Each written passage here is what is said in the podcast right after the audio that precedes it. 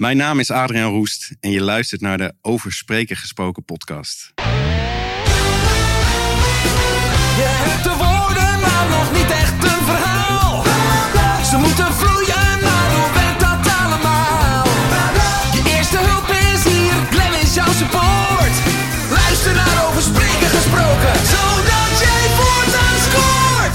Hallo lieve luisteraar, wat fijn dat je luistert naar de Over Spreken gesproken podcast. Ik ben Glenn Vergozen en samen maken we korte metten met plankenkoorts en leren we spreken met meer impact. Althans, spreken. In deze aflevering, aflevering 96 alweer, interview ik Adrian Roest. En we gaan het niet zozeer hebben over spreken, we gaan het hebben over luisteren. Adrian studeerde theologie en eh, maatschappelijk werk en werkt onder andere als trainer en als coach bij organisatieadviesbureau Samenwerkt.nu. Eh, daar heeft hij samen met zijn compagnons het boek geschreven als Elke Stem Telt. Dus daar gaan we het ook zeker over hebben in dit interview. Over hoe je luistert om gelijkwaardigheid te creëren. Hoe je verbindend kunt communiceren. En hoe je een bedding legt om effectief en plezierig met elkaar samen te werken. Daarnaast coacht Adriaan Stellen samen met zijn vrouw eh, onder de naam Ik Wij. Dus daar ben ik ook wel heel benieuwd naar over hoe dat eruit ziet. Tot paardencoaching aan toe, heb ik eh, begrepen. Eh, en oh ja, heb ik ook al gezegd dat Adriaan eh, muzikant is. En soms de gevoelige snaar of gevoelige toets, moet ik zeggen, aanraakt als pianist. Eh, nou, dus je, je hoort het al. en we hadden het in de voorbespreking over. Adriaan vindt veel dingen leuk. En we gaan dus ook hebben over hoe zich dat uit in correlatie tot het helpen van anderen. Luisteraar, ik wens je heel veel luisterplezier toe. Adrian, welkom in de podcast. Yes, dankjewel. Superleuk. Daar zijn we. Eindelijk. We zien elkaar voor het eerst in, in real life.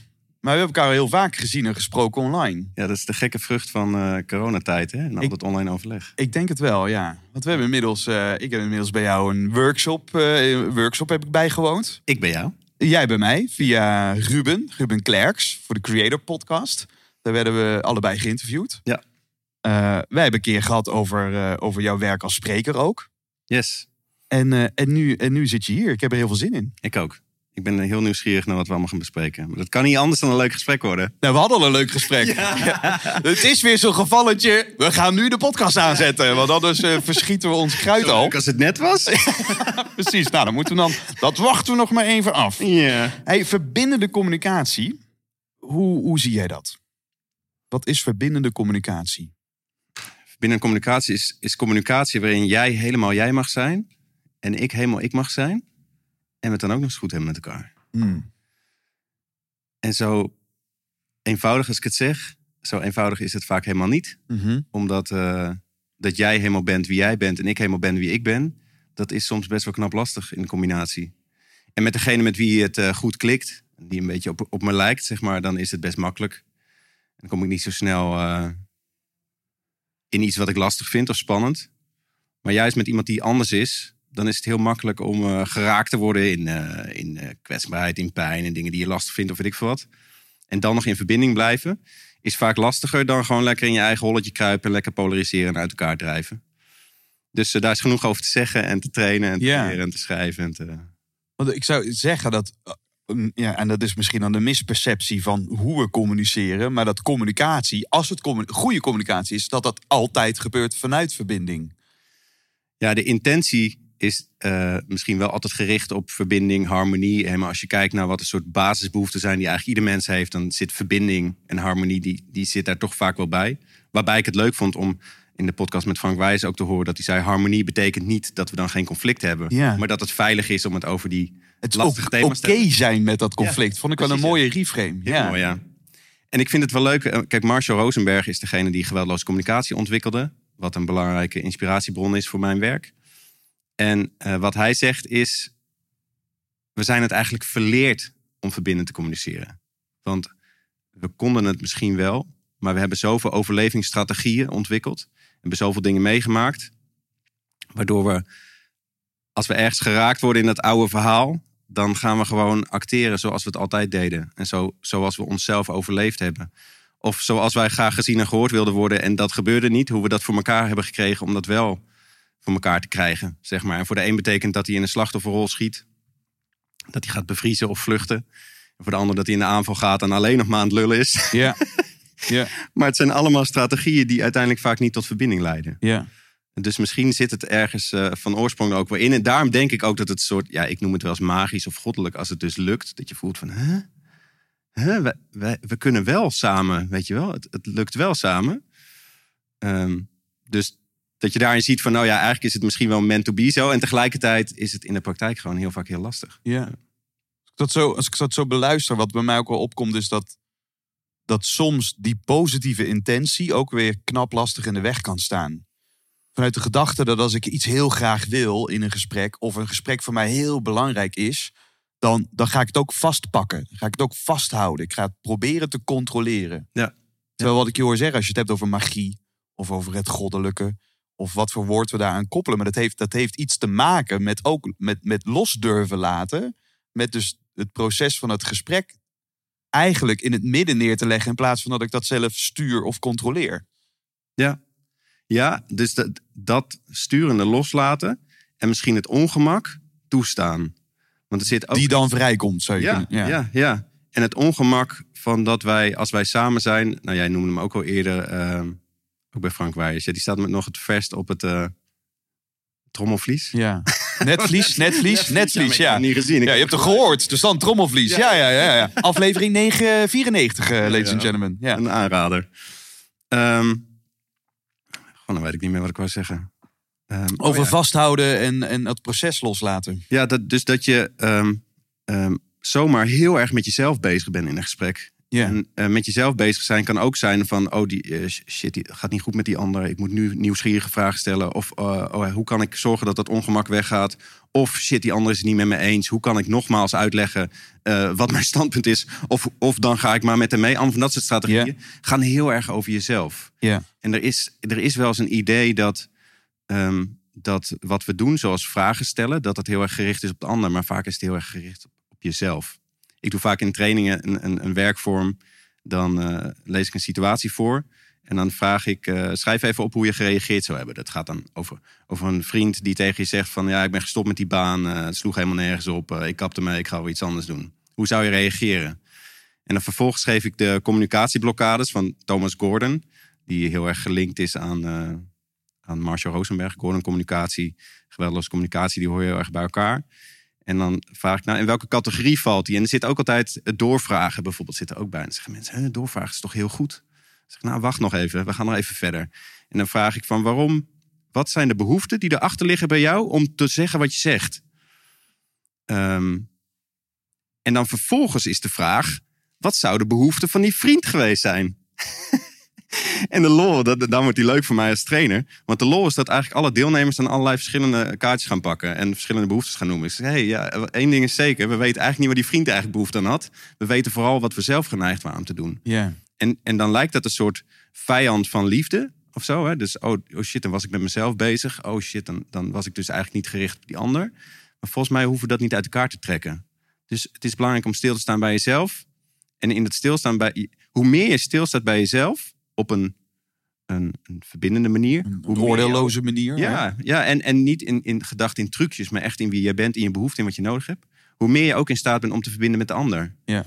Ehm, en check dan even bij die ander wat die ander dan nodig zou hebben, of niet. Weet je wel? Ja, wat, wat zijn die blokkades die je net noemde? Doorvragen is daar dus één van. Eh, adviseren, prijzen, eh, maar ook afkeuren bijvoorbeeld. Ehm, nou ja, zo heb je, zo heb je het Dus, ja, mijn dus hoofd. evalueren, mee Ja. eens of oneens zijn. Ja. En, dan, en dan, dan denken mensen dus, oh, doorvragen. Maar dat is, dat is, hoezo is door... Ik zie hier allemaal mooie open vragen. Ik heb ooit een keer een communicatieopleiding gedaan. Dan was het eh, geen gesloten vragen stellen. Ja. Dan zie ik hier open vragen, dat is toch hartstikke goed. Ja, ja. En jij zegt dan, nou ja, dat is misschien wel oké. maar in de volgordelijkheid vraagt het in den beginnen iets anders. Want wat je nu eigenlijk doet is onderzoeken. Omdat je zelf wilt weten hoe het zit. Ja. Terwijl dat, dat onderzoeken misschien helemaal niet de behoefte is van die ander die gewoon iets deelt. Nee. nee, en de grap is wel, soms komt iemand bij je om bevraagd te worden. Dus als iemand bij je komt omdat je een coach bent, Ja, die komt bij je om, omdat hij die vragen wil horen, zeg maar. oké. dan nog is het misschien handig om even te checken van... hey, ik merk dat dit allemaal vragen oproept bij me. ik vermoed dat die vragen je zouden kunnen helpen, maar ik weet niet of je erop zit te wachten. Dus die check is, we zeggen ook in ons boek komt het ook vaker terug van check je aannames. Ja. Ehm, check in, check uit en check je aannames, zeggen we altijd. Checken, checken, checken. check, check, check. En ehm, nou ja, wat, wat de grap is bijvoorbeeld, stel dat iemand iets vertelt tegen jou en je gaat er vragen over stellen, dan hoop jij dat die vragen eh, ehm, uiteindelijk eh, verdiepend zijn voor die ander, of tot oplossingen leiden, of nieuwe inzichten, of weet ik veel wat, want je wil die ander graag verder helpen. Vaak is dat toch wel. dus wat de vraag, welk schilletje ligt daar dan weer onder? Maar dat is vaak waarom die vragen gesteld worden. Maar stel je voor dat iemand iets uitlegt aan jou. En jij gaat vragen stellen en die ander denkt: shit, hij stelt vragen. Hij snapt het nog niet. oh, ik dacht dat ik duidelijk was, maar nu krijg ik nog vragen ook, weet je wel. Of, eh, of jij, gaat, jij stelt een vraag over puntje 5. En ik denk, shit, maar die eerste vier, daar stelt hij geen vraag over. Of weet ik wat. Dus eh, heel veel eh, gedrag gaat een soort automatisch. En dat is ook helemaal niet per se altijd fout. Maar gewoon wat vaker checken van, oh ja, dit gaat misschien eigenlijk wel voor over mezelf. Zal ik eerst even checken of die ander er wel op zit te wachten. Ja. Dat kan al een soort start van verbinding zijn. En wat zou dan je advies zijn, Adrienne? Dan als stel in het voorbeeld wat je schetst van eh, je gaat aan, iemand gaat aan haal met puntje 5 en puntje 1 tot 4 niet. En hoe komt dat? Wat zou je dan, stel iemand bemerkt dat, dat is denk ik al, al een vorm van sensitiviteit dat je dat überhaupt bemerkt. Ja. Sommige Ja. mensen hebben daar nog niet eens eh, ideeën bij. Maar zou je dat dan uitspreken of niet? Of eh, hoe zou je daar dan mee omgaan in het voorbeeld die je net schetst? Ja, kijk, als, iemand mij, als ik vijf dingen heb genoemd en iemand gaat mij vragen alleen over vijf stellen. En ik voel eigenlijk dat één tot en met vier voor mij belangrijker waren. En ik weet niet of dat overgekomen is. Het is de vraag wat er dan met mij gebeurt. Maar als dit bij mij gebeurt, dan zou ik kunnen zeggen van... ehm, ehm, ik, ik, ik heb vijf dingen gezegd. Ik hoor je reageren op die vijf, niet op die andere vier. Schappig, dit is de stap waarneming van geweldloze communicatie. Volgende stap is gevoel. Dan zou ik zeggen, ik merk dat ik echt een beetje onrustig van word. Een beetje... eh, want eh, ik vond eigenlijk die punten 1 en 2 eigenlijk de allerbelangrijkste. En, en ik ben eigenlijk heel erg nieuwsgierig wat jij ervan vindt. Want ik word een beetje onzeker. Omdat ik eigenlijk zelf ook niet helemaal weet of dat nou precies is wat ik vind. En het zou me heel erg helpen als ik dan even hoor wat jij ervan vindt. Dat, daar zit een beetje rond dat behoefteverhaal. Ehm, en dan de laatste stap is verzoek. Dan zou ik kunnen zeggen van... ehm, ehm, hoe is dit voor jou om te horen? Bijvoorbeeld. Of zou je eens kunnen reageren? Hoe zie jij dat? En als die ander dan zegt van nee, vier zijn helemaal helder. Ik ben het helemaal met je eens. Ik vind het fantastisch wat je zegt. Dit en dat. Ik had alleen bij vijf nog een paar vragen. En ja, misschien doet het wel helemaal niet toe. Maar ik vind het toch leuk om even te weten. Ja, dan is het voor mij alleen. Als je gehoord voelt, hoef je je zin niet meer te krijgen. Daar refereerde je ook aan in die Frank Wijs podcast. Wat een fantastisch onderzoeksresultaat was uit een onderzoek wat Hanna Werner deed eh, voor de Universiteit van Amsterdam naar burgerparticipatie. Als mensen zich gehoord voelen, hoeven ze zin niet meer te krijgen. Alleen al dit in kunnen brengen in dat gesprek is waarschijnlijk al zo'n opluchting dat het me eigenlijk geen reet meer uitmaakt welke vraag die gaat stellen. maar dat is wel de kracht van verbindende communicatie, is dat je afgestemd bent op jezelf en afgestemd bent op de ander. En dan is de inhoud, is dan ja, tw- twee of drie of vier, weet je wel. Maar Ja. Nou ja, en ik kan me voorstellen, al- op het moment dat je samenwerkt en je hebt het over hele relevante zaken, dan is die inhoud, doet er zeker toe. Maar vanuit welke bedding eh, doen we dat? Ja. Maken Ja. we het ons, het creëren we als het ware wind mee of wind tegen in dat Ja. gesprek? Ja. En daarin hoor ik je dus twee essentiële zaken noemen. Dat, dat begint dus met een verbinding met jezelf. eh omwille vervolgens een verbinding met die ander te kunnen maken. Ja. Nou, mooi en zo'n en, en geweldloze communicatie is dat, hoe noem je dat, zo'n lemniska? Lemniscaat. Ja, Ja. dus een lemniskaat is een, een, een- een- dat, vind ik, dat vind ik heel fijn. Dat, dat het van buiten naar binnen, van binnen naar buiten eh, gaat. En dat dat een flow is. Ja. Best case voelde mooi gesprek, voelde als flow. Ja. Dus ineens Ja. ontstaat er een soort moeiteloosheid. Ja. Terwijl dat herkennen luisteraars misschien wel. Op het moment dat het dat een gesprek spannend wordt. Of niet lekker loopt, voelt het vooral als hard werken. Ja. Ik merk vooral, zodra ik dus mijn kop inga... en dus die dingen die je net geschetste... van oh, dan moet ik misschien dit vragen of oeh. eh, Alleen al dat is voor mij een signalement... dat er ergens verbinding ontbreekt. Ja. Want ik schiet in mijn kop. En ik, het voelt nu als, niet als moeiteloos. Terwijl een goed gesprek, daar, daar zit een soort van flow. Ja, het is super interessant wel. Kijk, wat, wat we vaak zien, zien we zeker bij die stellen ook gebeuren. Dat stel dat je best wel dicht bij elkaar staat. Hè? Als je van een afstandje kijkt, denk je, oh, er is er niet heel van de hand. Maar eh, eh, A wilde wat en B begreep het niet. En B wilde eigenlijk ook wat en A begreep het niet.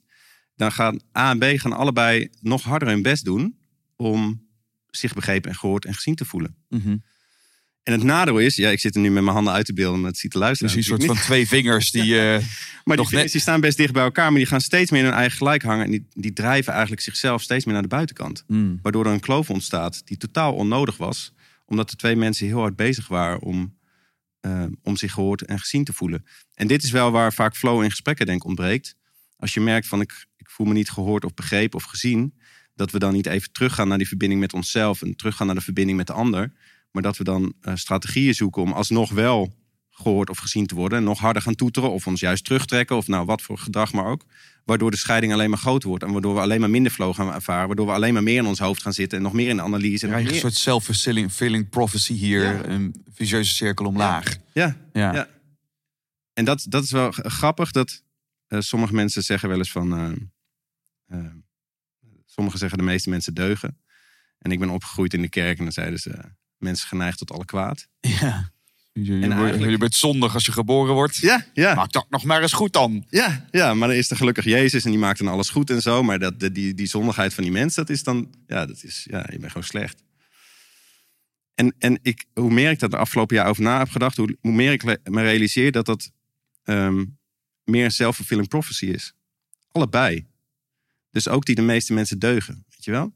Dus als ik geloof dat jij deugt en je doet de stomste dingen, ja, dan zal ik nieuwsgierig blijven. Want dan denk ik, ja, maar die kerel deugt. Dus hoe kan het nou dat het, dat dit eruit komt? Dus dan ga ik net zo lang zoeken tot ik het wel gevonden heb. Ja. En voor mij is geweldloze communicatie en het zoeken naar die behoefte erachter super helpend. Want vanuit goede behoefte ga je soms hele stomme dingen doen. En dan kun je die stomme dingen wel afkeuren. Maar als je nou gaat zoeken, hé, wat zit erachter? Dan, dan vinden we elkaar opeens. Dus ik, Ja. Oh, dat snap ik wel. Dan kunnen we misschien samen zoeken naar een manier die iets minder destructief is. Maar even zo, als je gelooft dat iemand geneigd is tot alle kwaad... of dat hij eigenlijk op zichzelf, eh, op zijn eigen uit is... of eh, zijn eigen bevrediging... ja, dikke kans dat je dat ook gaat zien dan. Dat je met die energie al die persoon eh, benadert...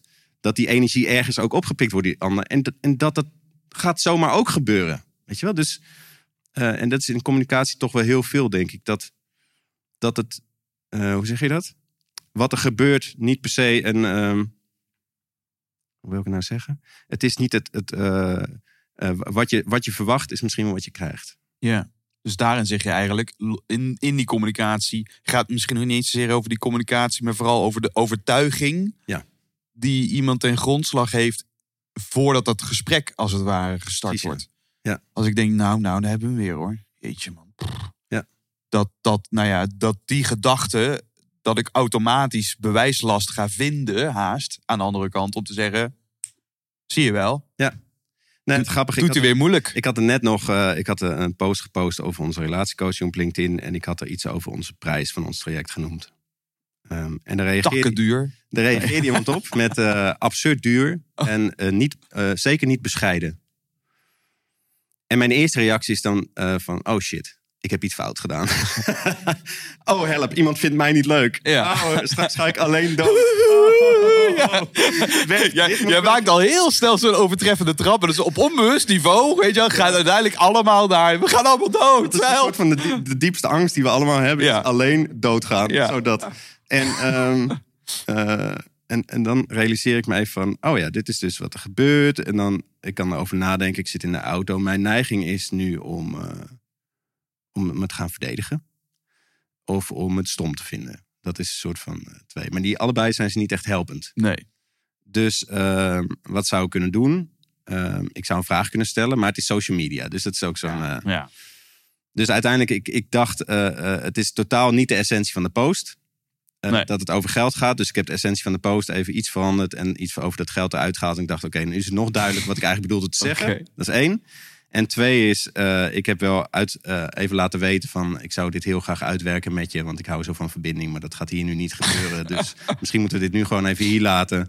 En ik hoop dat onze klanten altijd meer waarde ervaren... dan dat ze ervoor betalen. Oké, punt. En als ze no- nu nog op dat geld ingaat... dan denk ik, oh ja, dan stop ik gewoon. Of ik verwijder de reactie. En dan ga ik gewoon op social media niet doen. Ah ja. Maar ik merk dat ik dus... eh, ik lees dat en ik schiet eerst weer in polariseren. Want als ik, als ik eh, ga zeggen... Ja, wat, wat eh, heb jij voor een gebrekkige geld mindset? En eh, je- ik zal eens laten weten wat niet bescheiden is. en dan, ja, dan, Ja, dan ben je af, ja. Zo'n rel, ja, dat Ja. ja. af, ja. ja. Ehm, dus hoe kan ik het wel aangaan op een manier die, die echt in verbinding is met wat ik nodig heb en wat ik lastig vind? En ook echt ruimte laten aan de ander. Omdat ik geloof dat die ander... Oh ja, zo kwamen we erop. Over dat geloof in die goede En intentie dan, eigenlijk van ja, ander. precies positieve intentie aan die andere kant. Ja, dat die ander eh, misschien ook wel puzzelt met, eh, met geld bijvoorbeeld. Ja. Is misschien wel een ondernemer die ook niet zo goed weet wat hij nou moet vragen. En soms ook denkt van ja, shit, eigenlijk is het wel te duur. Of eigenlijk misschien wel coaching nodig heeft voor iets. En misschien eigenlijk wel heel enthousiast is over wat wij doen. En denkt shit, dat kan ik dus nooit betalen. Daar gaat mijn eh, mooie relatiecoaching traject. Ja. Of weet ik veel wat ze denkt. Je weet het niet. Maar ze heeft een, een, een hele legitieme reden om te zeggen wat ze zegt. Omdat ze bepaalde behoefte heeft die op dat moment niet vervuld wordt. En het gaat vooral over volgens mij emotie. En dat is natuurlijk waar social media meer vol staat. Zijn allemaal emotionele reacties. Ja. Niet rationele reacties. Alleen het nadeel is dat mensen dan een emotionele reactie gaan beantwoorden met een inhoudelijk statement. Ja, ja. Terwijl dat, dat is niet wat er bedoeld wordt. Nee, er, wordt nee. gewoon een emotie geuit. Ja. En ik moet dan heel erg denken aan Jos Burgers. Die natuurlijk een Geef Nooit Korting als boekje heeft geschreven.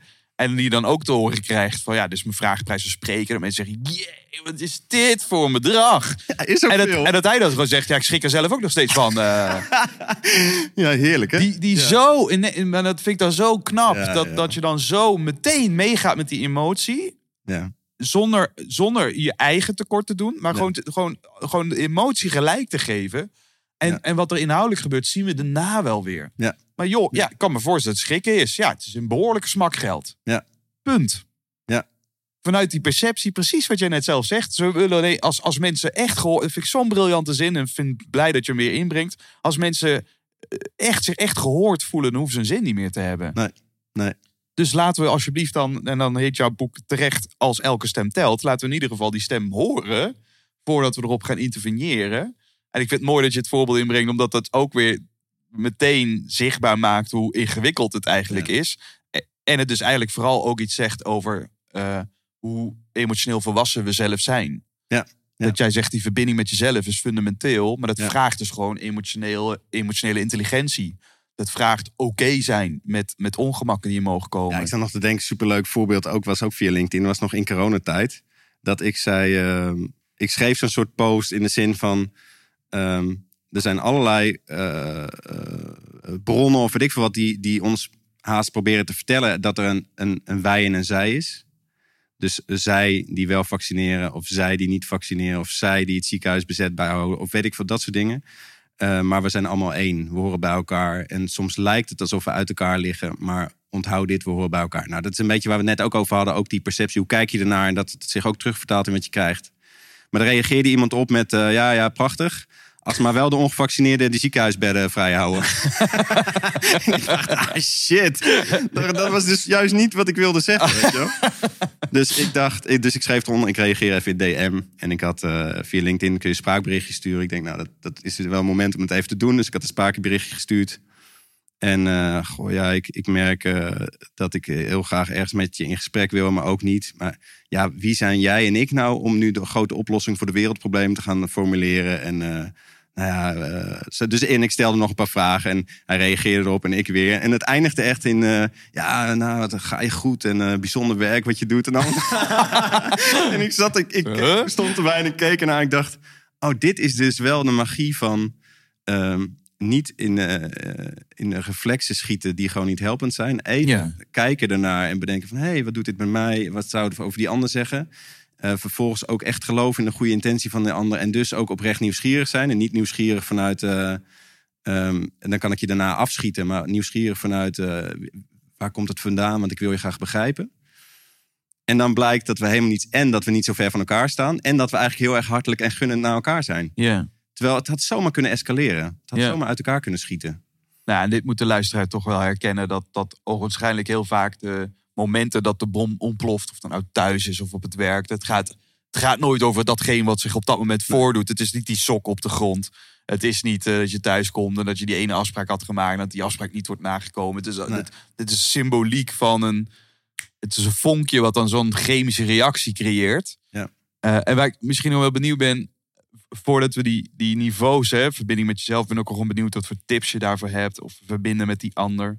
Die piramide hebben we nog helemaal niet genoemd. Nee, maar dit, dat, dat komt dan gaandeweg, Ja. eh, komt, Ja, ontstaat dat wel. Ja. Eh, ik ben ook nog wel benieuwd ben, is gewoon een beetje waar, waar deze persoonlijke fascinatie vandaan komt. En, en om een beetje context te bieden, je weet dat ik eh, kort geleden mijn eigen keynote eh, mocht doen voor het eerst. Eh, eh, speel de rol van je leven. Wat eigenlijk gaat gewoon over dat je rollen zorgvuldig moet kiezen. En kwantitatief, kwalitatief een balans moet houden. Ja, waarom spreek ik daarover? Omdat ik veel meer dingen leuk vind. En kiezen super lastig. Ja, Dus ja. ik, ik, daar waar ik over spreek, dat is waar ik gewoon keihard tegenaan loop in het echte Ja, leven. Namelijk dat ik veel meer rollen heb dan dat ik tijd heb om te geven. Nou, dat hoeft helemaal. Dit is autobiografisch. dus nu komt de vraag. eh, eh, neem ons eens in mee. Wat maakt dat jij nu zo, z- zo, zo, zo de passie voelt om mensen te helpen met verbindende communicatie? Ik denk, ehm, ik heb me altijd in mijn jeugd, en dat is ook een beetje lastig, omdat dan achteraf, eh, dan wordt het al snel, misschien moet ik het woord altijd niet gebruiken, maar ik kan me herinneren in mijn jeugd dat ik regelmatig me anders voelde dan anderen. En zeker in het onderwijssysteem waar ik ook zat, waar ik misschien veel meer behoefte had gehad aan, aan eh, filosofische vakken of ondernemersvakken of met muziek waar ik van hou. Eh, maar ik moest allemaal dingen doen waar ik niet van hield en zo. En, en hoe verhoud ik mij tot wat anderen van me verwachten en wat ik zelf het liefst wil? Mhm. Dat was eh, het, het spel van mijn jeugd eigenlijk. Of spel, ik weet niet of ik er heel erg van genoot. Nee. Je struggle. Ja, ja, meer struggle. En ik ging op een gegeven moment studeren, waar ook wel weer een element in zat van ik ga bouwkunde doen. Mijn vader werkte in de bouwwereld. Ehm, kan ik in zijn voetsporen? Er zat ook wel iets in het systeem, in het dienen van mijn vader, dat soort dingen in. Wat wil ik nou zelf? Op een gegeven moment besloot ik toen theologie te gaan doen. Vonden mijn ouders op dat moment niet zo'n goed idee, later wel. Maar dat gaf ook weer gedoe. En dat was wel een soort sleutelmoment dat ik ging beseffen, maar Ad, wat wil je nou eigenlijk zelf? En waarom wil je dat? En wat ga je dan doen? Nou goed, ik heb theologie studeren, eh, maatschappelijk werk nog gestudeerd, in de zorg gewerkt. En ik merkte daar dat ik in samenwerken, ik ben gewoon eh, best wel anders dan het gemiddelde van de mensen met wie ik vaak optrek of werk of vrienden. Inmiddels is dat ook wel steeds meer veranderd nadat een vriendengroep best wel veel overlap heeft, maar altijd wel net anders geweest. En ik merkte of ik ben degene die de boel bepaalt, Ja. maar ik verlies de rest. Want ik ga te hard, of ik ben te direct, of weet ik veel wat. Of ik denk, eh, shit, ik wil die verbinding, ik wil dat samen, dus ik ga mezelf inschikken. Ehm, en dan vinden ze me misschien wel oké. maar ik verlies mezelf. Hmm. Die klopt ook niet voor mij. En, en dat, is, dat is denk ik de struggle die steeds, waar ik me steeds bewuster van werd. Van hoe kan ik echt mezelf zijn en verbonden met die ander? Ik kom daar gewoon niet uit. Ja. En toen kwam eh, eerst uh, sociocratie, de consentbesluitvorming, de gelijkwaardige besluitvorming, waarin geen meerderheid of minderheid meer is, maar waar we samen besluiten. En ik ging daarover lezen. Ik ging een training volgen bij mijn eh, huidige collega Robert. Dus ik Mhm. volgde mijn eerste training bij hem. En het was zo'n opluchting, want ik merkte in, in deze vorm van werken, in deze manier van kijken, mag ik helemaal mezelf zijn. En kan de ander helemaal zichzelf zijn. En kunnen we het ook nog samen goed hebben. Ja. Wat, vertel eens daar kort iets meer over. Socio sociocratie. Ik krijg het altijd wat mijn bek niet uit. Ja, dan zeggen mensen van, ja, nee, dat ken ik. Dat is toch van eh, Socrates? Dat, nee, nee, nee, dat, dat lijkt erop. dat is Socratische methode. Ja. Daar zit echt wel overlap in, maar dat is wel echt iets anders, ja. Sociocratie. Ehm, kijk, de essentie is dat er is geen meerderheid of minderheid meer. Het gaat over wij en wij hebben samen een uitdaging. Dat is een besluit nemen, bijvoorbeeld. Ehm, en dan is een consentbesluit nemen. Is, eh, consent betekent eigenlijk dat je geen overwegend bezwaar hebt tegen het nemen van het besluit. Dus het gaat er niet meer om dat je voor een besluit bent of wild enthousiast bent over een besluit, maar dat je niet meer een overwegend bezwaar tegen hebt. Je kunt er Mm. uitvoer aan geven. En eh, je kunt je wel voorstellen dat het gebied wat je eh, fijn vindt, hoe jij het graag zou willen, dat dat veel kleiner is dan het gebied waarvan je zegt, van, nou, daar heb ik geen bezwaar tegen. Ik zou, het niet, ik zou het anders geformuleerd hebben, maar ik kan dit uitvoeren, ik kan niet mee aan de slag. Ja. Dus eh, dat consentbesluitvorming en, en de manier om tot zo'n consentbesluit te komen is in een aantal stappen. En een belangrijk uitgangspunt is dat we praten in een ronde. Nou, voor mij is dat nog steeds where the magic happens Ja. als we in rondes gaan praten. Wat ook gruwelijk irritant is soms. Want ik moet mijn mond houden eh, zodra ik geweest ben. Weet je, En ik moet wachten tot ik weer aan de beurt ben. En ik ben van veel praten en ideeën inbrengen, weet ik veel wat. En dan moet ik wachten. Maar ik merkte toen, en ik merk nog steeds, dat door mijn mond te houden, ehm, ik geholpen word eigenlijk om echt te gaan luisteren. Wat zegt die ander? Dus ik, ben, ik ga uit die energie van snel reageren. Mhm. Dat, dat mag niet meer. Dus mijn energie kan niet meer naar snel reageren gaan. Mijn energie hoeft ook niet meer zo sterk te gaan naar wat vind ik hiervan. Mijn energie hoeft al helemaal niet meer te gaan naar de plek van ik moet nu wel reageren, want anders is het onderwerp voorbij. Waar ook in vergaderingen heel veel energie naartoe gaat. Ja. En ik kan die energie richten in wat is die ander nou eigenlijk aan het zeggen? Wat vind ik ervan? En als ik aan de beurt ben, dat vond ik ook, ook toen en nog steeds, dan ehm, wordt er echt naar mij geluisterd. Dus ik hoef niet meer te strijden voor mijn plek. Mijn plek is er gewoon al. Ja. Je krijgt je beurt. Ja, ja, ik heb mijn beurt en in die beurt mag ik zeggen wat ik wil zeggen. En als mijn beurt voorbij is, is mijn beurt ook voorbij. Dus het is niet dat ik dan halverwege nog roep, oh, ik wou nog wat corrigeren, want ik bedoelde eigenlijk dit. Nee, dan moet ik gewoon wachten. En ik merkte dat ik mezelf meer gehoord voelde. Dat ik geholpen werd om te luisteren naar de ander. Dat ik geholpen werd ook om de ander te begrijpen en dacht, goh, die ander heeft eigenlijk best wel een punt. Shit. Eh, misschien zat daar wel meer wijsheid dan ik ooit gehoord had als ik alleen maar zelf doorgerateld had. En vervolgens gaan we samen besluit nemen. Die ander voelt zich gehoord en kan meebewegen met wat ik wil. Ik voel me gehoord, kan meebewegen met wat zij wil. En samen komen we dan tot iets waarvan we allebei zeggen: geen bezwaar, je kunnen we uitvoering geven. Mooi. Dus we hebben echt nog iets samen gedaan ook. Ja. En dat is dus die vorm waarin ik voelde van, oh, dan kan ik echt mezelf zijn. En die ander kan echt zichzelf zijn. Ik kan leren van die ander, maar die ander staat dus ook open voor mijn ehm, rood, oranje, gele. Ik wil vooruit, ik wil eh, veranderen, ontwikkelen. Dat, dat ja, vond ik een verademing. En ik denk dat het misschien wel een half jaar later was dat ik eh Marshall Rosenberg geweldloos communicatieboek las. En dat ik daar ook weer helemaal bij voelde. Ja, maar dit is het. En, en ehm, wij zeggen bij eh, samenwerkt, ook en als elke stem telt, komt het ook langs wel eens van het is stenen en cement eigenlijk. Dus die sociocratie zijn de stenen. En van stenen kunnen kinderen ook eh, kunnen op straat van stenen een heel mooi gebouwtje maken. Maar dan gaat er eentje tegenaan staan rammen en dan flikkert het in elkaar. En dat is met sociocratie ook. Dat als je het als trucje gaat gebruiken, dan, ehm, ja, dan komt op een gegeven moment een keer eh, iets, eh, een oude pijn boven of zo. Of iemand die toch per se iets wil. Ja, en dan, ja, dan schieten die rondjes ook. Dus En dan toch schij, ook schijnharmonie ontstaat er dan. Ja, ja. Ja. als er dan toch een soort overleven in komt, dan, eh, dan komen we er alsnog niet uit. En dan is cement, is die geweldloze communicatie die er bij elkaar En ik kan houdt. natuurlijk heel zorgvuldig mijn beurt afwachten zonder echt te luisteren. Precies. Dat, Precies. dat noem ik een familiekringetje. Zoals het vroeger ging. En Toch? Ja. en dan Ja. even. en dan- Ja, en we gingen, het was geen dialoog hoor. Het was gewoon om de beurt een monoloog. Niemand luisterde en we gingen allemaal gefrustreerd weg dan dat we kwamen. Nou, dat is soms wat er in de Kamer gebeurt, hè? in de Tweede Kamer bijvoorbeeld. Als ze dan, eh, of in die Kamer komt. Ja, iedereen heeft zijn beurt, maar eh, niemand luistert naar elkaar. Ja, eh, of pakt daar op deur. Of eh, Ja, ja, snapt die ander wel waarom dit zo belangrijk voor mij mag is. ik Dat- ook nog even mijn plasje doen? Ja, ja. ja. Ja, en dat is dus echt een heel andere insteek. En als ik jou goed beluister, hielp jou dat vooral in balans? Want als ik je goed beluister, was jij vooral goed in de twee uitersten. Namelijk of doorpakken en dan rende je voor de troepen uit en dan raakte je daar de verbinding kwijt. Of dat je dacht, oeh, dat moet ik dus helemaal niet meer doen. En dan ging je radicaal de andere kant op en dan liet je het soort van los. En dan ging je meedoen met de groep. Maar dan dacht je, ja, maar hallo, wie, wie, waar is mijn stem dan? Ja, grappig. Ja, ik merk dat ik, eh, dat ik eh, een beetje jeuk heb op het woord balans. Oh, grappig. Terwijl de definiëring, als je hem dan beschrijft, denk ik, ja, dat is het. En balans heb ik denk ik een soort co- connotatie bij van dat het ergens in het midden ongeveer moet blijven. Ah, En, en dat in die zin niet balans. nee. Dus die uiterste, die het mag flink heen en weer waggelen. Het mag flink uit balans zo lijken en zo, oeh, komt dat nog goed? Maar doordat we blijven vertrouwen op elkaar en op het proces, eh, gaan we er niet afvallen en gaan we elkaar vinden en, en komen we steeds dichter bij elkaar. Ja, het is dus veel meer een soort speelveld dan dat je op die middenstip moet blijven staan. Ja, Alleen als ik, als, ik, als ik de hele tijd bij die andere kant, als ik nooit over de middenlijn heen durf te lopen. en ik zit aan de ene kant of aan de andere kant. ja, dan ontmoeten we elkaar niet. Ja. En dat is de grap misschien van als je toch met meerderheid, minderheid werkt, dan kan het zomaar als in een weegschaalbeeld toch een beetje zo gaan hangen. En, dan, en terwijl het, het mooie is, denk ik, van ehm, vertrouwen op die ander, vertrouwen op jezelf, al luisterend bij elkaar komen. Dat je eigenlijk steeds meer naar het midden loopt en dat er steeds meer balans in die weegschaal komt. En hoe, hoe meer je naar de uiterste gaat, hoe meer waggelt het. En hoe het bij het minste of geringste in één keer uit balans is. Ja. En hoe meer je bij elkaar weet te komen, hoe, hoe sterker, hoe meer... Het is een mooi beeld eigenlijk. Ik heb er nooit over nagedacht. Goed, hè? maar hoe sterker je dan ook... eh, hoe minder eh, kwetsbaar je bent voor schommelingen. Ja. En voor onverwachte geraaktheid of weet ik veel wat.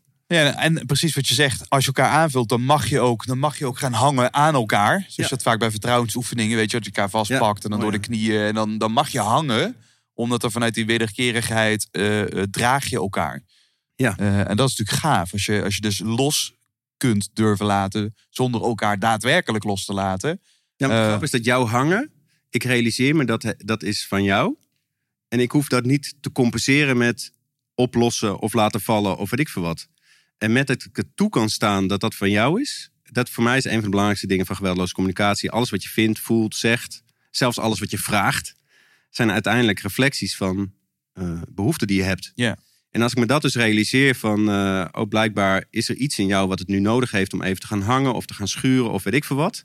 Dat, dat helpt mij om niet in een reflex een soort tegenreactie of meereactie of weet ik veel te gaan doen. En met dat het toegestaan is, is het ook niet spannend meer. Ja. Ja, dus ik hoor daar vooral, het gaat niet over mij.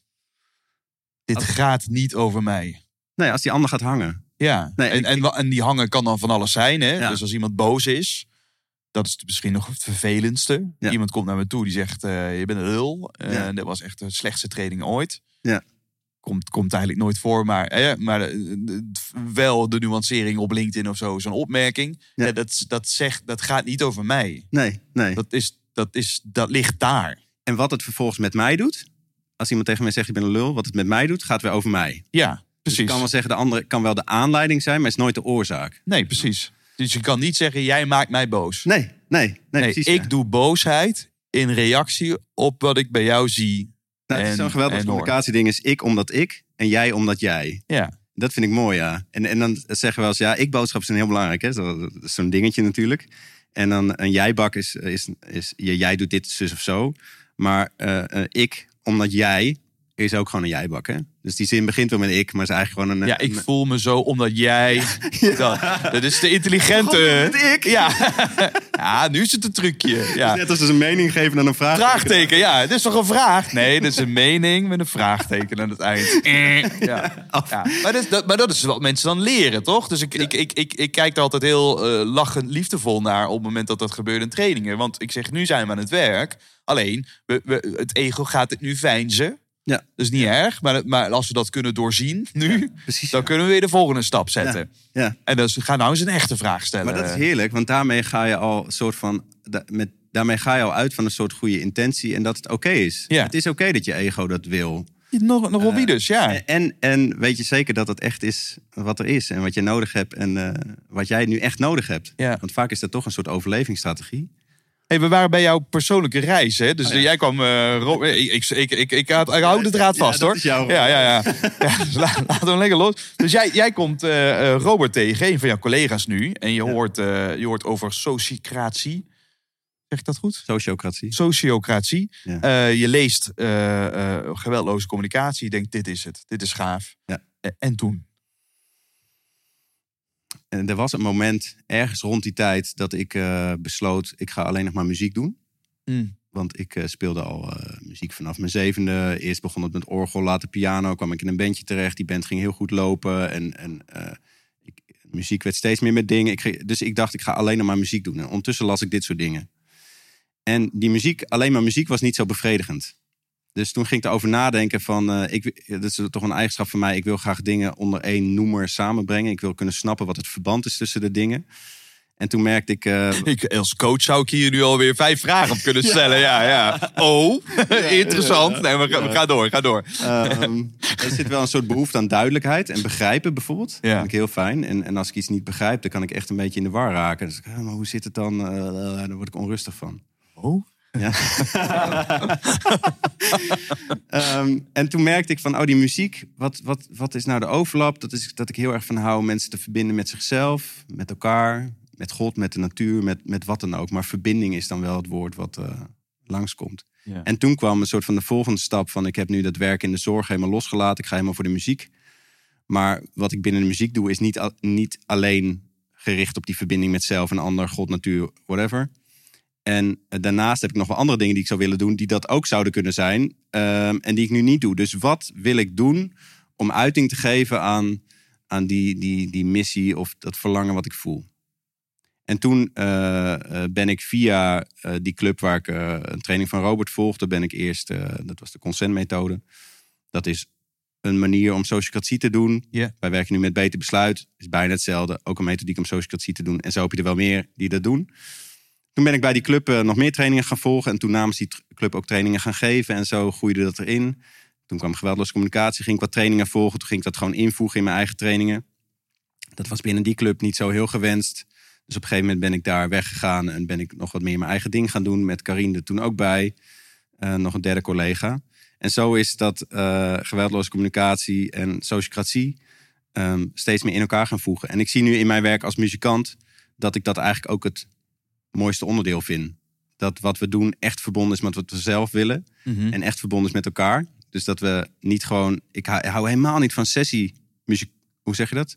Ik, ik zit er helemaal niet op te wachten om in gewoon feest- en partijenbandjes gewoon na te doen wat iemand anders al doet. Ah, je bedoelt Want- een soort coverbandjes. Ja, ja het, eh, gaat, het gaat me niet om, eh, eh, om muziek maken op zich. Maar het gaat me om dat verbinding die we op het podium ervaren. Verbinding die we met de mensen in de zaal ervaren. En dat we samen iets aan het beleven en samen iets aan het doen zijn. En daardoor samen eh, eh, blij worden, enthousiast worden, vervuld. Eh, Nou, dat. Dus in de muziek, als ik muziek maak, vind ik dat nog steeds het belangrijkst. En in organisaties vind ik dat tof. Ja, en ik ben al dik 20 jaar, 21 jaar ben ik samen met Willeke, mijn vrouw. En ehm, af en toe coachten wij wel samen stellen. Ehm, Waren dat eerst gewoon vrienden of zo die er langskwamen? Of hoe, hoe wat zat dat? Bekenden en Ja. vrienden is dan altijd nog wel extra Beetje spannend. lastig. Ja. ja. Eh, maar eh, ja, be- bekenden eerst, of mensen die we dan zelf uitnodigden. En het werd wel steeds vaker een stel. Maar wij dachten heel lang van ja, maar, ja, ik heb het niet eens, trouwens, ik zeg nu wij dachten heel lang, maar ik dacht er niet eens heel erg over na. We hadden gewoon allebei onze eigen werk en onze eigen dingen. Want wat En doet dat soort Willeke? Ja, zij is eh, ook hulpverlener van oorsprong en is ook later gaan coachen. Eh, met paarden. Dus we hebben paarden achter het huis. eh alle opleidingen gedaan rondom paardencoaching. Dus die paarden zetten we in in de coaching. Superleuk. Kunnen we ook een hele podcast over vol. Ja. Vindt die- Vond dat paard dat ook een goed idee? Ja, dat vindt hij een heel goed idee. Ja? Dat zei hij nog tegen me. Ja. Ja, ik weet niet, elke stem telt. weet je wel. Laten we het paard eens even vragen. Tegen vriend, ja. En, en eh, nu merk ik wel van, oh ja, het, eh, al die dingen en al die ervaringen die ik de afgelopen jaar heb opgedaan, die komen wel steeds meer samen in een soort brandpunt met wat ik nu met Willeke aan het doen ben in de coaching van die stellen. Waarin we allebei onze eigen eh, expertises hebben. En ook gewoon samen een stel zijn en al samen überhaupt al heel lang dat schuren aan elkaar en dat zoeken van hey, hoe kan jij echt jij zijn en ik echt ik en hoe doen we dat nou samen? Ja. En dat het dan fantastisch is om zowel onze ervaring als expertise en zo nu in te zetten voor andere stellen. ja. Nou ben ik alweer kwijt wat nou de oorspronkelijke vraag was. Maakt niet uit. Jouw reis. Jouw reis. Die, eh, dat, dat, daar komen we nu een beetje achter. Hè? Hoe, hoe het een eh, heeft het ander is ontstaan. Ik hoor hier echt een soort van hoofdstukjes. Zorgverlener, muzikant, eh, Ja. bedrijfsleven. Ja. Nu komt een beetje relatiecoaching. Ja. Nou, wie weet over een paar jaar zit je weer in een andere bubbel. Maar ik hoor dat, er, dat, dat je heel erg zoekende bent naar de vorm. Terwijl die vorm ook alweer secundair is op, op wat, waar het je eigenlijk om draait. Precies, ik wou net zeggen, toen, dus toen ik die sociocratie ontdekte, dat, wa- dat was echt maar een vorm om verbonden te zijn met elkaar. Ja.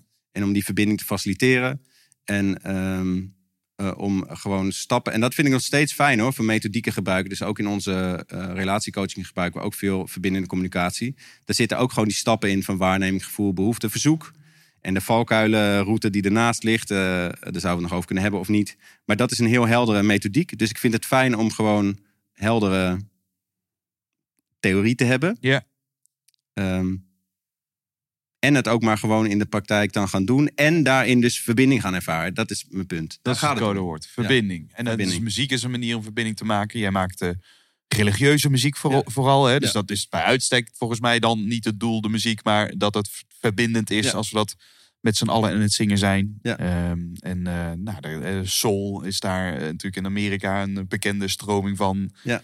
Ik hou van soulmuziek. eh omdat dat, daar, zit, daar zit bezieling in, Da- weet ja, je wel? precies. Daar zit iets in, ja. Ja, en, en, en, en, en ik herken dat heel erg. Ik herken ook mijn liefde en, en daarmee misschien haast wel je lotsbepaling naar verbinding. Want dat is dan altijd weer terug te voeren naar iets wat we misschien ooit een keer gemist hebben in een Ja. ver verleden. Waardoor er nu een soort van ja, eh, kernbehoefte is ontstaan. Nou, als je daar Ja. je, je, je passie of kwaliteit van kan maken, kun je dat overdragen. Ja. Ik vind het ook wel moedig. Ik kan me ook wel voorstellen, jeetje, je hebt een goede relatie, doe dat maar eens goed. Je hebt drie zoons. Eh, nou, dat is al een soort bedrijfje dan, hè? Eh, ja. Je bent een taxichauffeur, een kok en eh, Oppas. oppas. En nou, verzin het allemaal maar. Entertainment. Ja. Ja, ja, precies. Animatieprogramma vanaf vijf uur. De bank ben ik ook. Ja, de- precies. Ja. En de wandelende, nou ja, het paard, zeg maar, af en toe ook. ja, ja. ja. Dus, en dan, en dan dat dus goed doen samen, lijkt me al, al lastig. Als je dan samen, ik droom er ook af en toe van om samen met mevrouw iets moois te doen, omdat we allebei ook wel daarin gedeelde interesses hebben, maar om dan ook weer relatie als onderwerp te pakken. ja, lijkt me ook wel weer. eh, ook wel weer een soort van. wan- Wanneer, wanneer mogen we dan nog de ineffectieve man en vrouw zijn bij elkaar? Ja. Want dat, ja, we zijn ook blijven onszelf. En, en mag je dan ook eens een keer ramhard op de verkeerde knoppen Ja. drukken? Hoe, hoe, hoe, hoe gebeurt dat bij jullie? Ja, het is interessant. eh, eh, van de week zat ik in de training geweldloos communicatie. En op een gegeven moment zei iemand eh, in een soort vorm van frustratie, een soort combi van frustratie en adoratie. En ik weet niet waar het over ging. Ja, weet jij ook wel eens niet wat het slimste is om te doen in communicatie? Nou, terwijl ze het zegt, denk ik echt zo vaak. denk ik van, help, wat moet ik doen? Eh, jij zei net volgens mij ook ergens dat ik dit zo graag wil doen. Is ook omdat ik daar zelf nog, nog steeds regelmatig mee puzzel. Van hoe ben ik echt verbonden met mezelf? Wie ben ik nou? Wat voel ik? Ja. Wie ben jij nou eigenlijk? Help, ik vind het lastig. Ja. Ehm, en toen probeerde ik eh, mezelf van haar voetstukken af te halen. Maar dat lukte niet, zei ze. Oh. Maar, ik, maar ik vertelde wat verhalen over hoe wij het thuis doen. En dat het soms echt nog wel eens heel ingewikkeld is. En ik denk wel dat... Nou, dat is die, die, eh, die harmonie waarin ehm, ongemak er wel gewoon kan zijn. Ja. En waarin conflict er ook gewoon kan zijn. Ik denk dat dat, dat, dat de basis is van onze relatie. Dus Ja. dat, het, dat het regelmatig knettert. Of dat een van ons in, in oude pijn schiet. Of in eh, weet ik veel wat. Maar dat we inmiddels heel goed weten wat we nodig hebben dan om weer bij elkaar te komen. Ja. Dus het is niet dat het altijd goed gaat. Maar het is dat we weten dat als het niet goed gaat, hoe we dan weer bij elkaar moeten komen. Waarin is zij complementair in jullie werk? Zij is eh, een stuk eh, rustiger dan ik. Godzijdank. eh je, zou, je zou twee van dat soort... eh, dat, dat, ik zie dat stel dan ook naar elkaar kijken. Gaan we nog gecoacht worden? Of eh, ja, een soort theaterstuk dit. Oh, eh. heerlijk, ja. Nee, nee, dat is echt een, eh, heel fijn ja, dat dat zo is. En eh, zij is ook eh, wat gelijkmatiger. Ja. Dus eh, hoge hoogtes, diepe diepte, dat is mijn eh, verhaal. En zij blijft daarin rustiger en stabiliteit. Zij is echt wel mijn stabiliteit, mijn, mijn thuis. En ik merk wat ik heel fijn vind in het werken met haar, is eh, dat ik kan leunen op haar. Dus met dat we het samen doen, ik denk dat dat voor die stellen ook, nee, dat weet ik, dat het voor die stellen ook heerlijk is dat wij dat met z'n tweeën doen. Omdat we ook heel makkelijk meerzijdig partijdig kunnen zijn. Hè? Dus we kunnen, ik, ik kan soms die man iets meer aanvoelen en wil ik die vrouw of andersom. En dan in de dialoog zoals wil ik het en, en ik het samen hebben, zijn we ook dan een soort voorbeeld van hoe die twee het zouden. Snap je dat? Ik vind het heerlijk dat, dat zij.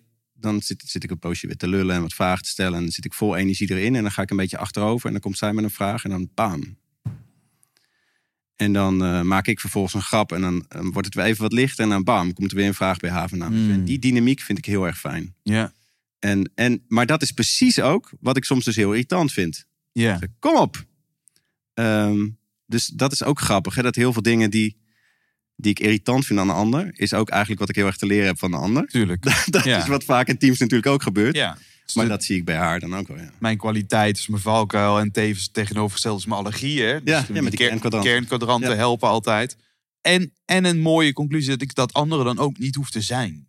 Nee, nee. Dus als je dan elkaar daarin waardeert, dan mag ik ook, dan hoef ik niet mijn eigen eh, valkuilen te polijsten.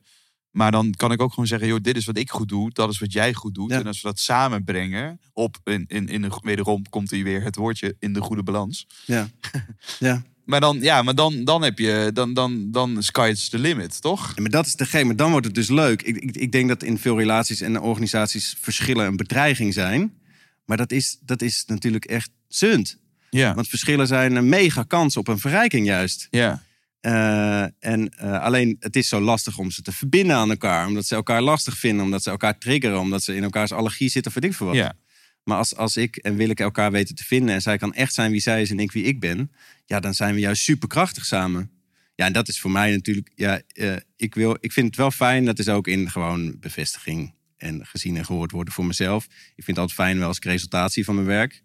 Maar dat vind ik het heerlijkste, vervullendste resultaat. Als mensen echt zichzelf zijn en verbonden met elkaar. En dat je ziet van, hé, hey, die verschillen zijn geen bedreiging meer. Maar wat zijn wij eigenlijk leuk verschillend bij elkaar?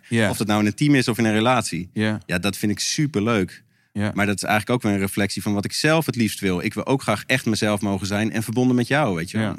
Nou ja, gaat uiteindelijk Cirkeltje rond. Ja.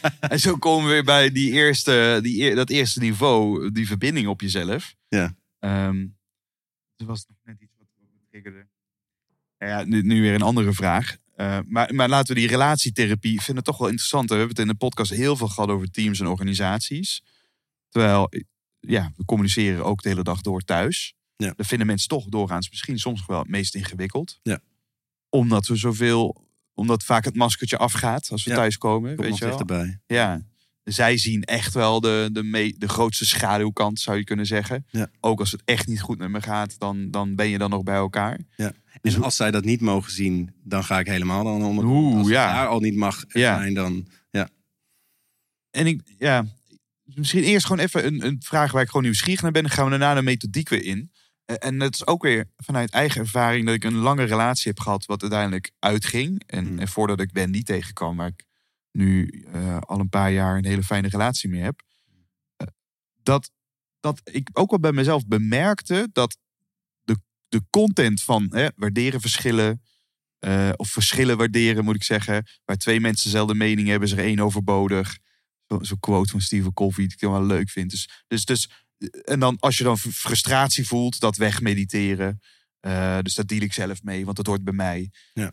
Dat ik dan toch ook bij haar er wel achter kwam dat we uiteindelijk heel liefdevol gelukkig met elkaar de conclusie deden. Wij zijn gewoon niet voor elkaar gemaakt. ja. Laten we alsjeblieft ook accepteren dat, dat jouw voorkeurstijlen zo haak staan op wat ik het liefste zou willen doen. Tot aan, als het dus gaat over die verbinding. Ja. dat- vooral op hoofdniveau konden we fantastisch.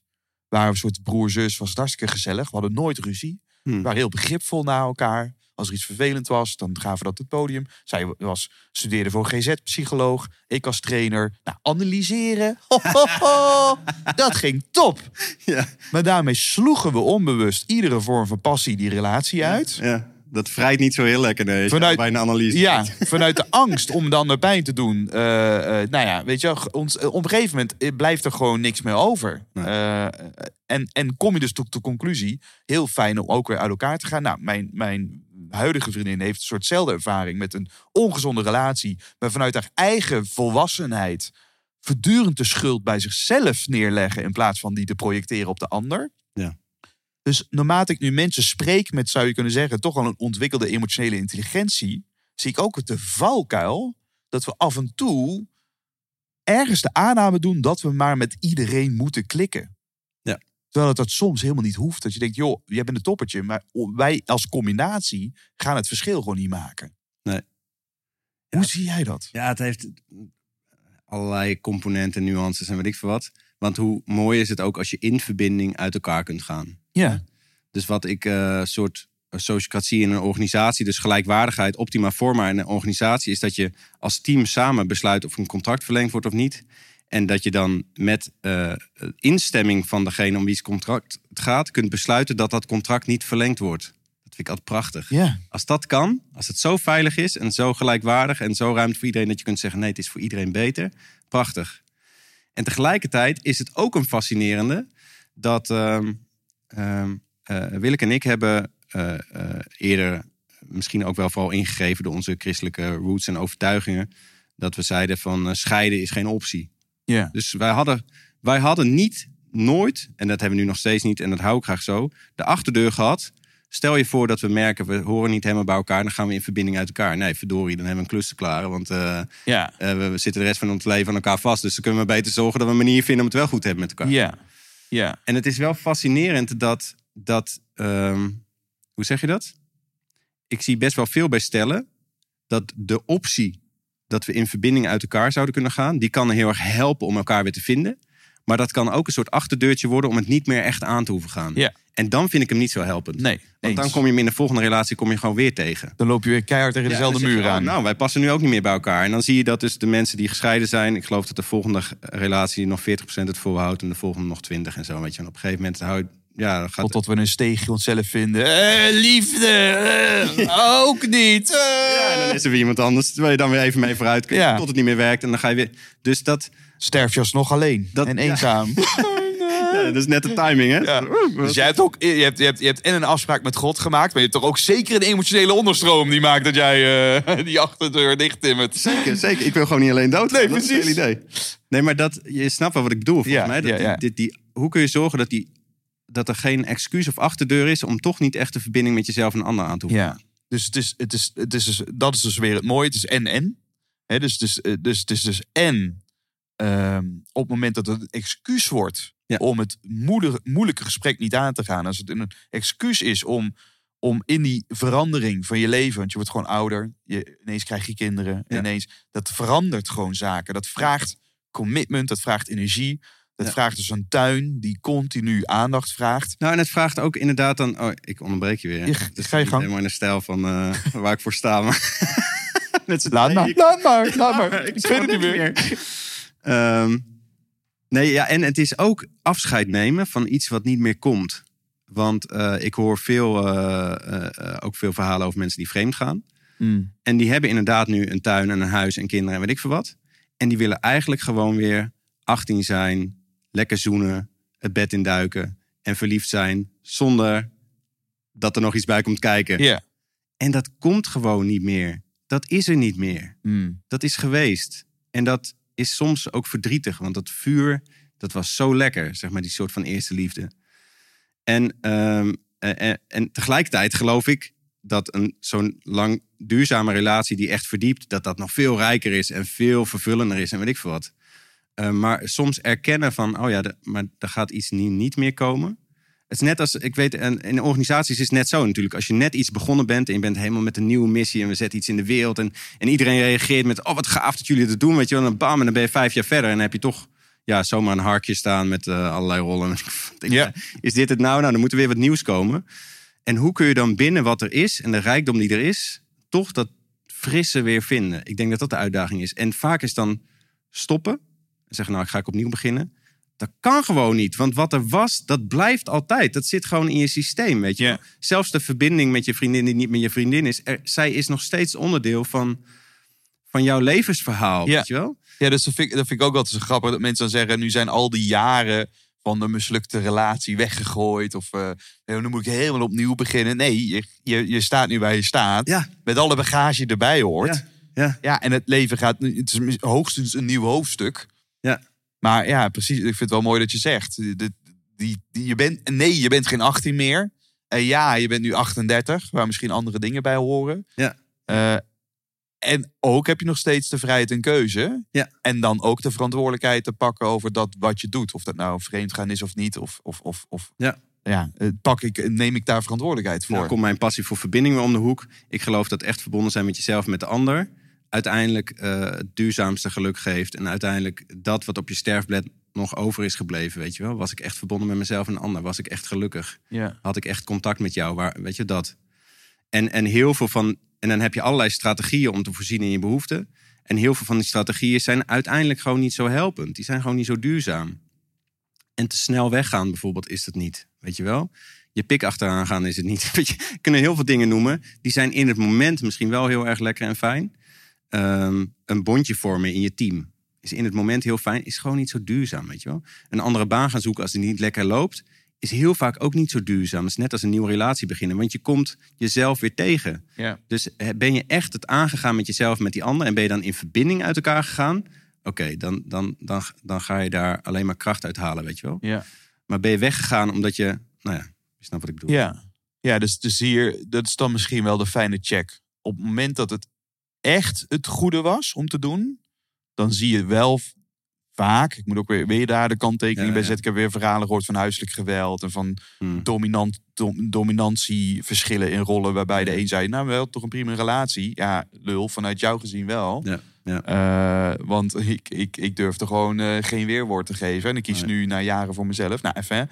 eh, ik herken dat wel in ieder geval in die relatie die ik heb gehad. Dan wel, als ik nu bij Frankie Coffee bijvoorbeeld afscheid zou nemen, zou ik dat alleen doen wanneer dat we daar als het ware samen tot de conclusie komen dat dat beter zou zijn. Ja. En dat beter zijn, dat, dat, dat vraagt iets van weerskanten. Dat vraagt van mij moed.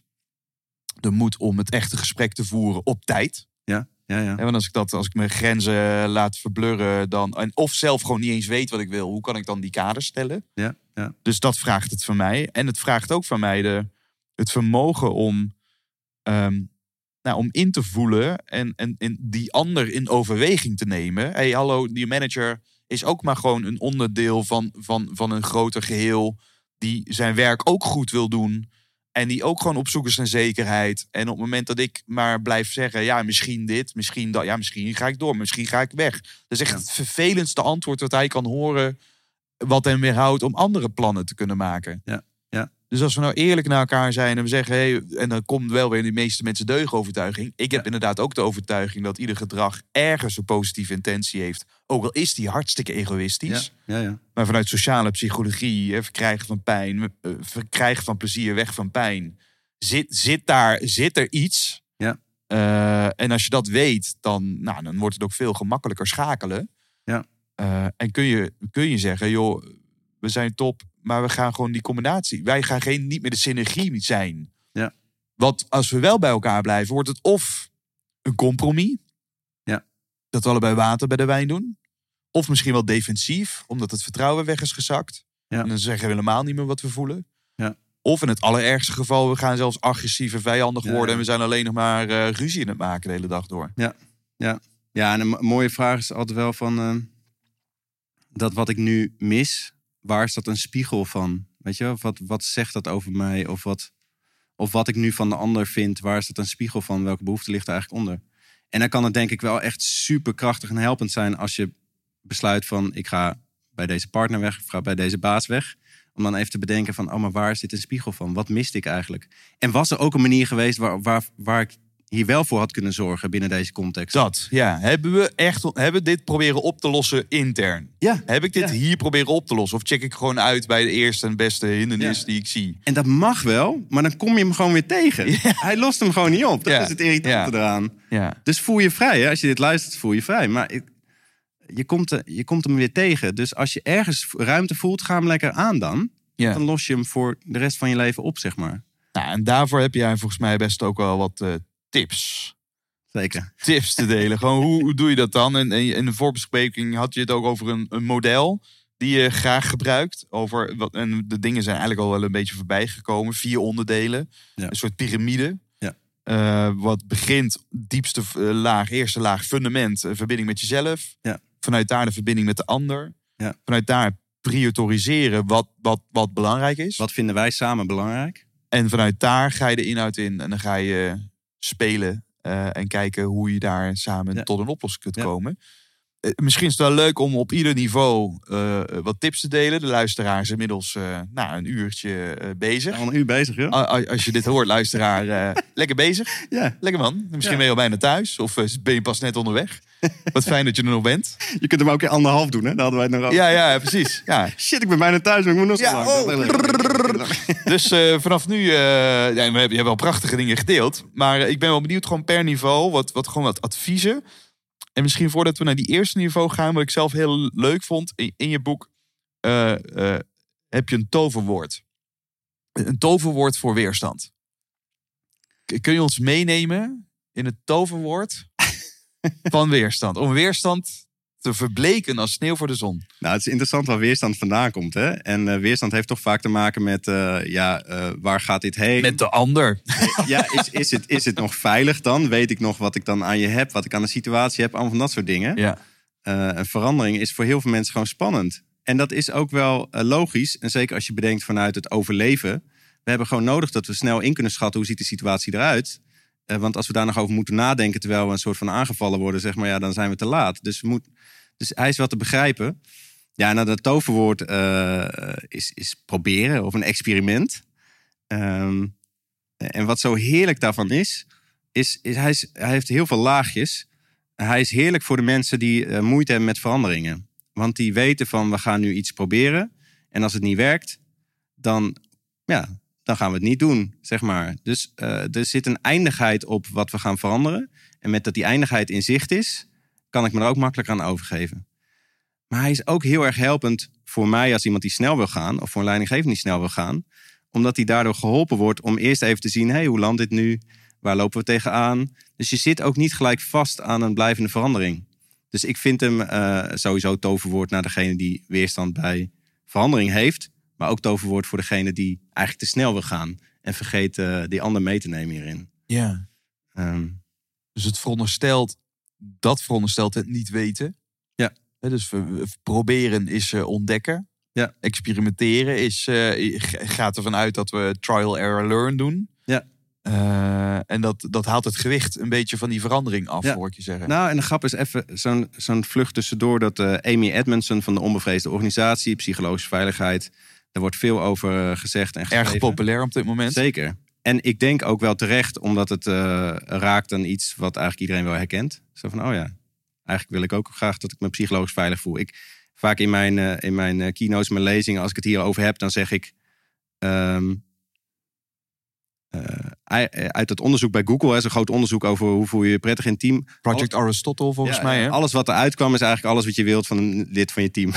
dat hij gewoon lekker effectief werkt, open is, open staat voor anderen, zijn fouten toegeeft. Gewoon een hele rattenplan dat je denkt, jeetje, dat is de ideale werk. De utopie, hoor je. Hè? Dat, dat lees je ook vaker. Zo van, ja, maar de- de- ge- vertel mij waar dat team zit, zeg maar. Ja, eh, ja, ja. ja. Maar goed, eh, eh, als dat dan inderdaad met psychologische veiligheid te maken heeft, dat verklaart dan ook wel waarom dat natuurlijk eh, wel veel aandacht krijgt. Maar die Amy Edmondson die zegt dan eh, drie elementen om, om dat te versterken. En ik zeg het even in mijn eigen woorden. Is eh benadruk dat je elke stem nodig heeft, hebt, elke hersencel.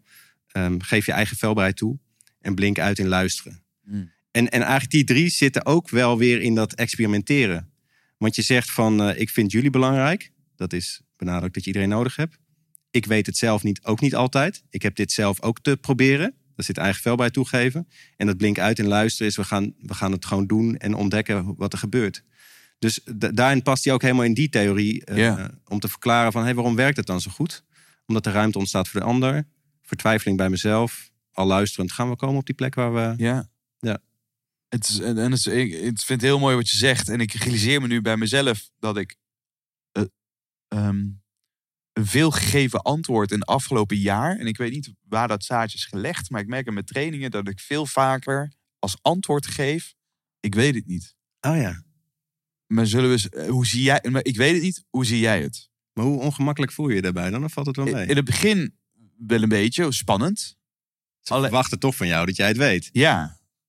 Of althans, dat, dat met die, v- dat, dat, ze richten dan ook ineens zo'n vraag aan mij. Hè? Van, ja, ze kijken ineens mij aan van, joh, in deze situatie... Ja. ik eh, ben eh, bezig met Pietje en Pukje en dit gebeurt. wa- wa- wat zou ik moeten doen? Of hoe zie jij dat? En, en ik dacht gewoon, zeg, ik weet het niet. Niet vanuit de, ik heb daar wel een idee bij. Dus dat is Ja. natuurlijk, laten we eerlijk wezen. Mijn ego zegt meteen, ik zou dat doen. Ja. Ik ga, dat ga ik niet teruggeven. Ik, ik kop hem meteen terug in de groep. En dan is dan die stem van de minderheid dat dan heel erg. Deep democracy. Steek eens even je hand op. Wie is het hiermee eens? Wie totaal niet? Oh, vertel eens. Ja. Ehm, en, en dat, die dialoog ontketenen. Dus ik merkte, vroeger had ik zeg maar dialoogjes met, met, met mensen in de groep. En nu hebben we als groep, praten we met elkaar over iets. Ja. En ik bemerk dus, het resultaat daarvan is dat mensen steeds vaker aangeven in een soort uitcheckrondje na een eerste dag. En ik doe vaak meerdaagses. Zeggen ze dus, ik, vind het, ik voel me zo veilig. Ja, ja, ja, ja. ja. Precies, dat is het. En er zit dus een correlatie in als trainer, als coach, als manager, als facilitator, wat je rol dan ook is, als vader, als moeder. Ja. Om niet de Wizard of Oz te zijn, terwijl dat ergens de misperceptie is dat dat van ons wordt verwacht. Ja. En wat een vrijheid er ontstaat op het moment dat je het zelf niet hoeft te weten. De, je uitgaat van de intelligentie aan de andere kant van de lijn. En dan, en dan echt, wat je zegt, mooi, ja, luister, gaan luisteren naar wat er dan komt. Ja. Ik word, het mooie daarvan is, is dat ik er zelf veel van leer. Ja. Ineens voel ik me af en toe zelf deelnemer van mijn eigen training. Hmm. En hoor ik deelnemers dingen zeggen waarvan ik, waarvan God, ik dat gewoon denk, een goeie.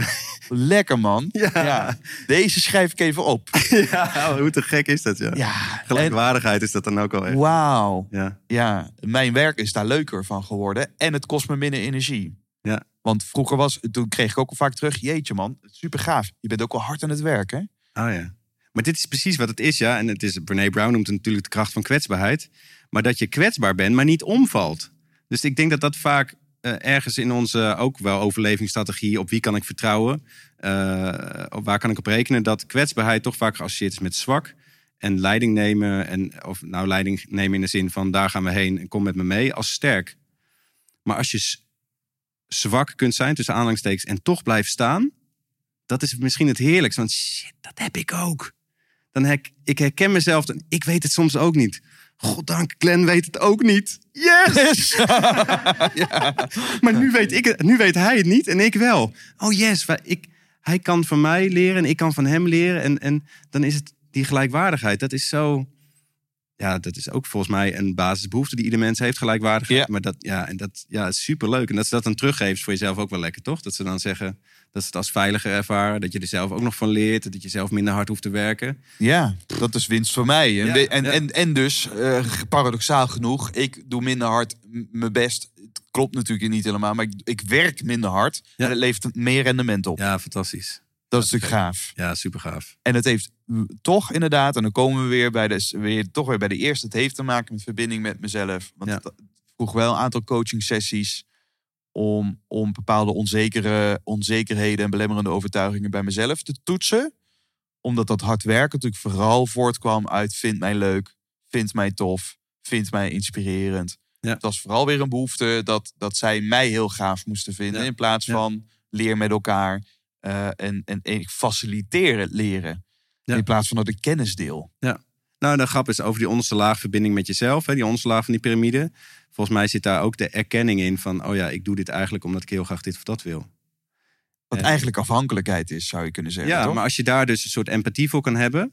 voor jezelf in eerste instantie van... oh ja, en daardoor ga ik dus dingen doen die dat eigenlijk niet opleveren... die me alleen maar energie kosten. Maar ja, oh, eigenlijk ben ik daar gewoon op zoek. Oké, nou laat dat eerst maar gewoon even zijn. Oké, prima. Ja. Ja, ja. Doen we- En dikke kans dat als dat er mag zijn... dat het al niet zo veel eh, prikkel meer heeft. Of Precies. dat de impuls ervan mi- minder is. Ja. Eh, ik vind het altijd zo grappig in verbindende communicatie ook. ehm, dat er ergens in een conflict heel veel eh, spanning kan zitten. En dat als je gewoon precies raakt waar het eigenlijk over gaat, dan pff, gaat de lucht uit. Eh, maar het is wel eerst nodig dat er dus empathie is voor wat er is. Lucht uit. En als de lucht uit is, dan kunnen we weer kneden en, en, en, en hoekjes maken, weet ik veel wat. Dan vinden we wel weer een vorm. Als we dit nu destilleren, als we dit nu een soort van samenvatten, want ik denk dat er al heel veel dingen voorbij zijn gekomen. We het even pragmatisch maken, die verbinding met jezelf. Wat zijn dingen die jij doet of anderen adviseert om, om dat te faciliteren in het gesprek, in die communicatie? Kijk, verbinding met jezelf is iets wat je voor het gesprek al goed kan doen. Hè? Dus ik, heb, eh, ik, ik weet inmiddels best wel goed eh, wat voor mij eh, belangrijk is. En wat voor mij triggers zijn. Dus pas eh, begon iemand tegen mij zo van... ja, je denkt zoveel na en dat is iets van deze cultuur. En eh, volgens mij is dat veel te vermoeiend en dat zou je niet meer moeten doen. Dat is echt zo'n trigger voor mij. Want dan denk ik, oh help, eh, is dit nog gelijkwaardig? Ehm, ik wil het heel graag zorgvuldig en goed doen. Doe ik het nog wel goed? Weet je wel? Dus allemaal van dat soort triggers. En ik, ik ken die inmiddels, waardoor ik al rustiger kan reageren. Dus ken jezelf is ook gewoon dat op gaan zoeken. En daar heb je niet per se een ander voor nodig. Zeg maar. Je kunt dat gewoon op gaan zoeken. Waar word ik heel blij van in mijn werk? Waar word ik heel blij van in mijn relatie? Waar, wat vind ik ontzettend lastig? En dan dus niet dat bij de ander leggen. Maar dan kijken, oh, dat zegt iets over een behoefte die ik heb die al dan niet vervuld is. En dat gewoon eens te gaan zoeken. Dus er zijn op, op internet eh, eindeloos lijsten van gevoelens en behoeften te vinden. Pak die er eens bij en ga eens kijken van, oh, welke gevoelens heb ik dan? Dat verdiept je vocabulaire. En, en de verdieping van je vocabulaire verdiept ook de kennis van jezelf. Ja. En eh, eh, dat, dat is stap één. En dan ga je hem tegenkomen. En dan weet je van, ai, daar, nu wordt die en die getriggerd. Ik vind Mooi. bijvoorbeeld gelijkwaardigheid heel belangrijk. Ik kan dus heel blij worden van dit gesprek als we echt dit zo samen aan het doen zijn en jij reageert en ik. Want dan heb ik het idee, oh, dit is echt gelijkwaardig. Word ik heel blij van. Maar stel dat iemand dus, zoals vorige week tegen mij zegt, nou, je zou eigenlijk dit of dat moeten. Ja, dan ga ik gelijk in de stress. Eh, maar het is dezelfde behoefte die erachter ligt. En eh, hoewel we allemaal heel uniek zijn en zo, bla bla. Als je een beetje zoekt, dan vind je er wel twee, drie of vier die gewoon eigenlijk, eigenlijk altijd langskomen. Dus als je gefrustreerd bent, is die behoefte niet vervuld. En als je heel blij bent, is die behoefte wel vervuld. Dus dat is eigenlijk laag. Ken ze dus in ieder geval. Eén, Ja. ken ze, ken u zelf. Het oude adagium komt toch weer voorbij. Ja. Eh, en als je ze kent, kun je het opzoeken. En ik hoor je ook wel zeggen, training baart kunst. Als in, het is ook een soort spier die we kunnen trainen. Als, je, ehm, als, je, oh, als die vaker wordt getriggerd, dan neutraliseert die ook wel op een gegeven moment. Ja, ja. Ja, en wa- wat nog zo'n leuke is, die je ook wel mee kan nemen als je dit luistert en denkt, wil mee aan de slag. Eh, zoek, bedenk eens over wie je heel veel oordeel hebt. Of wat je echt belachelijk vindt. Eh, dikke kans dat dat een spiegel is voor een oordeel wat je ergens in jezelf ook nog hebt zitten. Ja. Dus ga er eens met die spiegel naar kijken en denk zo, oh jeetje, waarom vind ik dat zo lastig? Dus we hadden het even over dat geld. Ehm, eh, als, als die opmerking van, van die persoon mij heel erg raakt en ik vind daar van alles van, dan zou dat kunnen zijn dat ik daar zelf eigenlijk ook nog niet helemaal goed uit ben. Dat ik daar zelf ook nog puz- puzzels mee heb. Oh, waar heeft dat dan mee te maken? Eh, nou ja, en daar zitten dan weer behoeften onder. Dus nou ja, gebruik gewoon alles wat je krijgt om, eh, om te voelen wat vind ik. Of Ja. ga iemand feedback geven. Dat is ook een leuke. Want alle Oh. feedback die je geeft, zegt eigenlijk alles over jezelf. Ja. Dus alles wat ik tof vind en wat jij goed doet. Dus zeg Glenn, oh, je bent zo geweldig in dit en dat. Dat is omdat ik dat zelf ook belangrijk vind en goed kan. Of omdat jij iets doet wat ik juist heel lastig vind of zo. Gaat allemaal over mezelf. Dus eh, wil jij jezelf beter begrijpen? Geef mij feedback. Dan help ik je wel. doe ik heel vaak een observatieoefening. Dan zeg ik, wat heb je tot nu toe aan mij gezien? En dan zeggen ze, ja, je hebt humor, je luistert goed en zo. Dan krijg ik allemaal van die hele leuke dingen. En zeg ze, oh, vind je wel leuk om te horen? Zeg ik, nou, nou ja, is- tuurlijk, hè, ergens zo'n ego mannetje mij vindt het leuk om te horen. Maar ik weet dat dit gewoon allemaal reflecties zijn van dingen die jullie gewoon heel belangrijk vinden. Hmm. Ehm, ja, dus op die manier kun je ook jezelf mee Mooi. ontdekken. Mooi. Ik denk dat dat wel, dat dat wel helpend is. Als, als we dan een stapje omhoog gaan naar verbinding met de ander. Hoe, hoe doen we dat?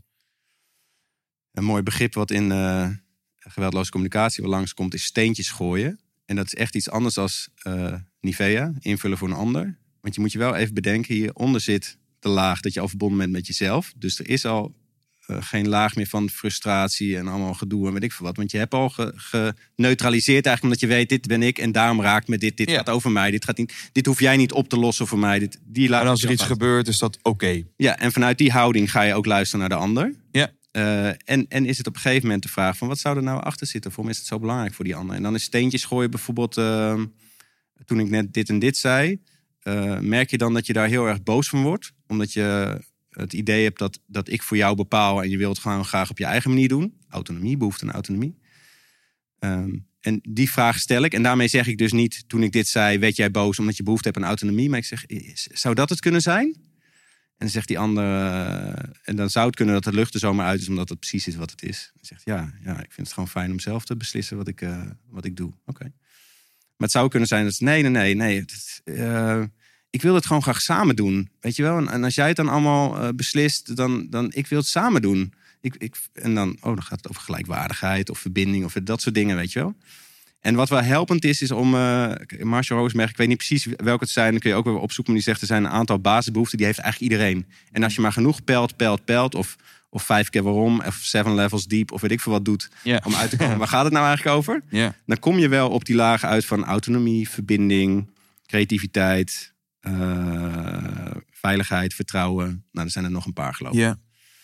Dus dat in je achterhoofd houdend, eh, steentjes gooiend, eh, checken van hé, hey, maar gaat het eigenlijk hierover of gaat het daarover? Of, of pak eens zo'n lijst erbij en omcirkel eens, waar gaat het nou eigenlijk over voor je? Ik doe heel vaak een dankbaarheidsoefening bijvoorbeeld. Dan zeg ik, bedenk een situatie waar je dankbaar voor was vorige week of afgelopen weken. Pak dan eens zo'n lijst erbij en kijk eens welke gevoelens horen daarbij. Dat moment, ga even terug naar dat moment. Was je heel blij, eh, energiek of, of was het vooral dan dankbaarheid of trots? Of wat, wat voelde je voor fijne gevoelens? En dan, eh, nou ja, die gevoelens voelde je omdat je behoeften vervuld waren. Dus welke behoeften zou dat kunnen zijn? Nou, sommige mensen omcirkelen dan wel 15 behoeften. En zeggen, nou, haal er daar eens drie uit. Die eigenlijk, als je ze allemaal weg zou moeten strepen, dat zijn de drie die overblijven. Dus dan heb je een oefening die niet gaat over die situatie waar wij nu middenin zitten. Maar gewoon even een oefeningetje.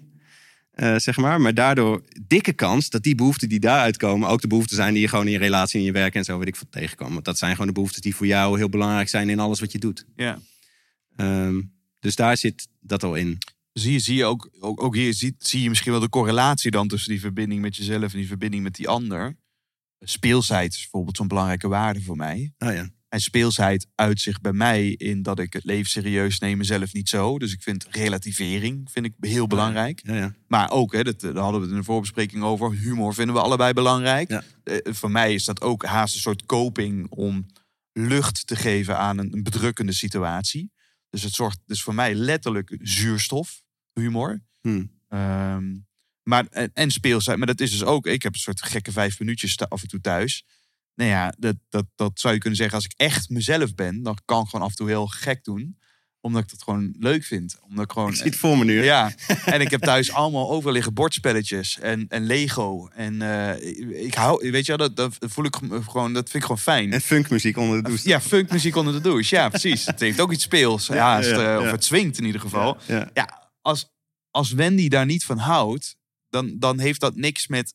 Dat- dat hoeft niet, hè?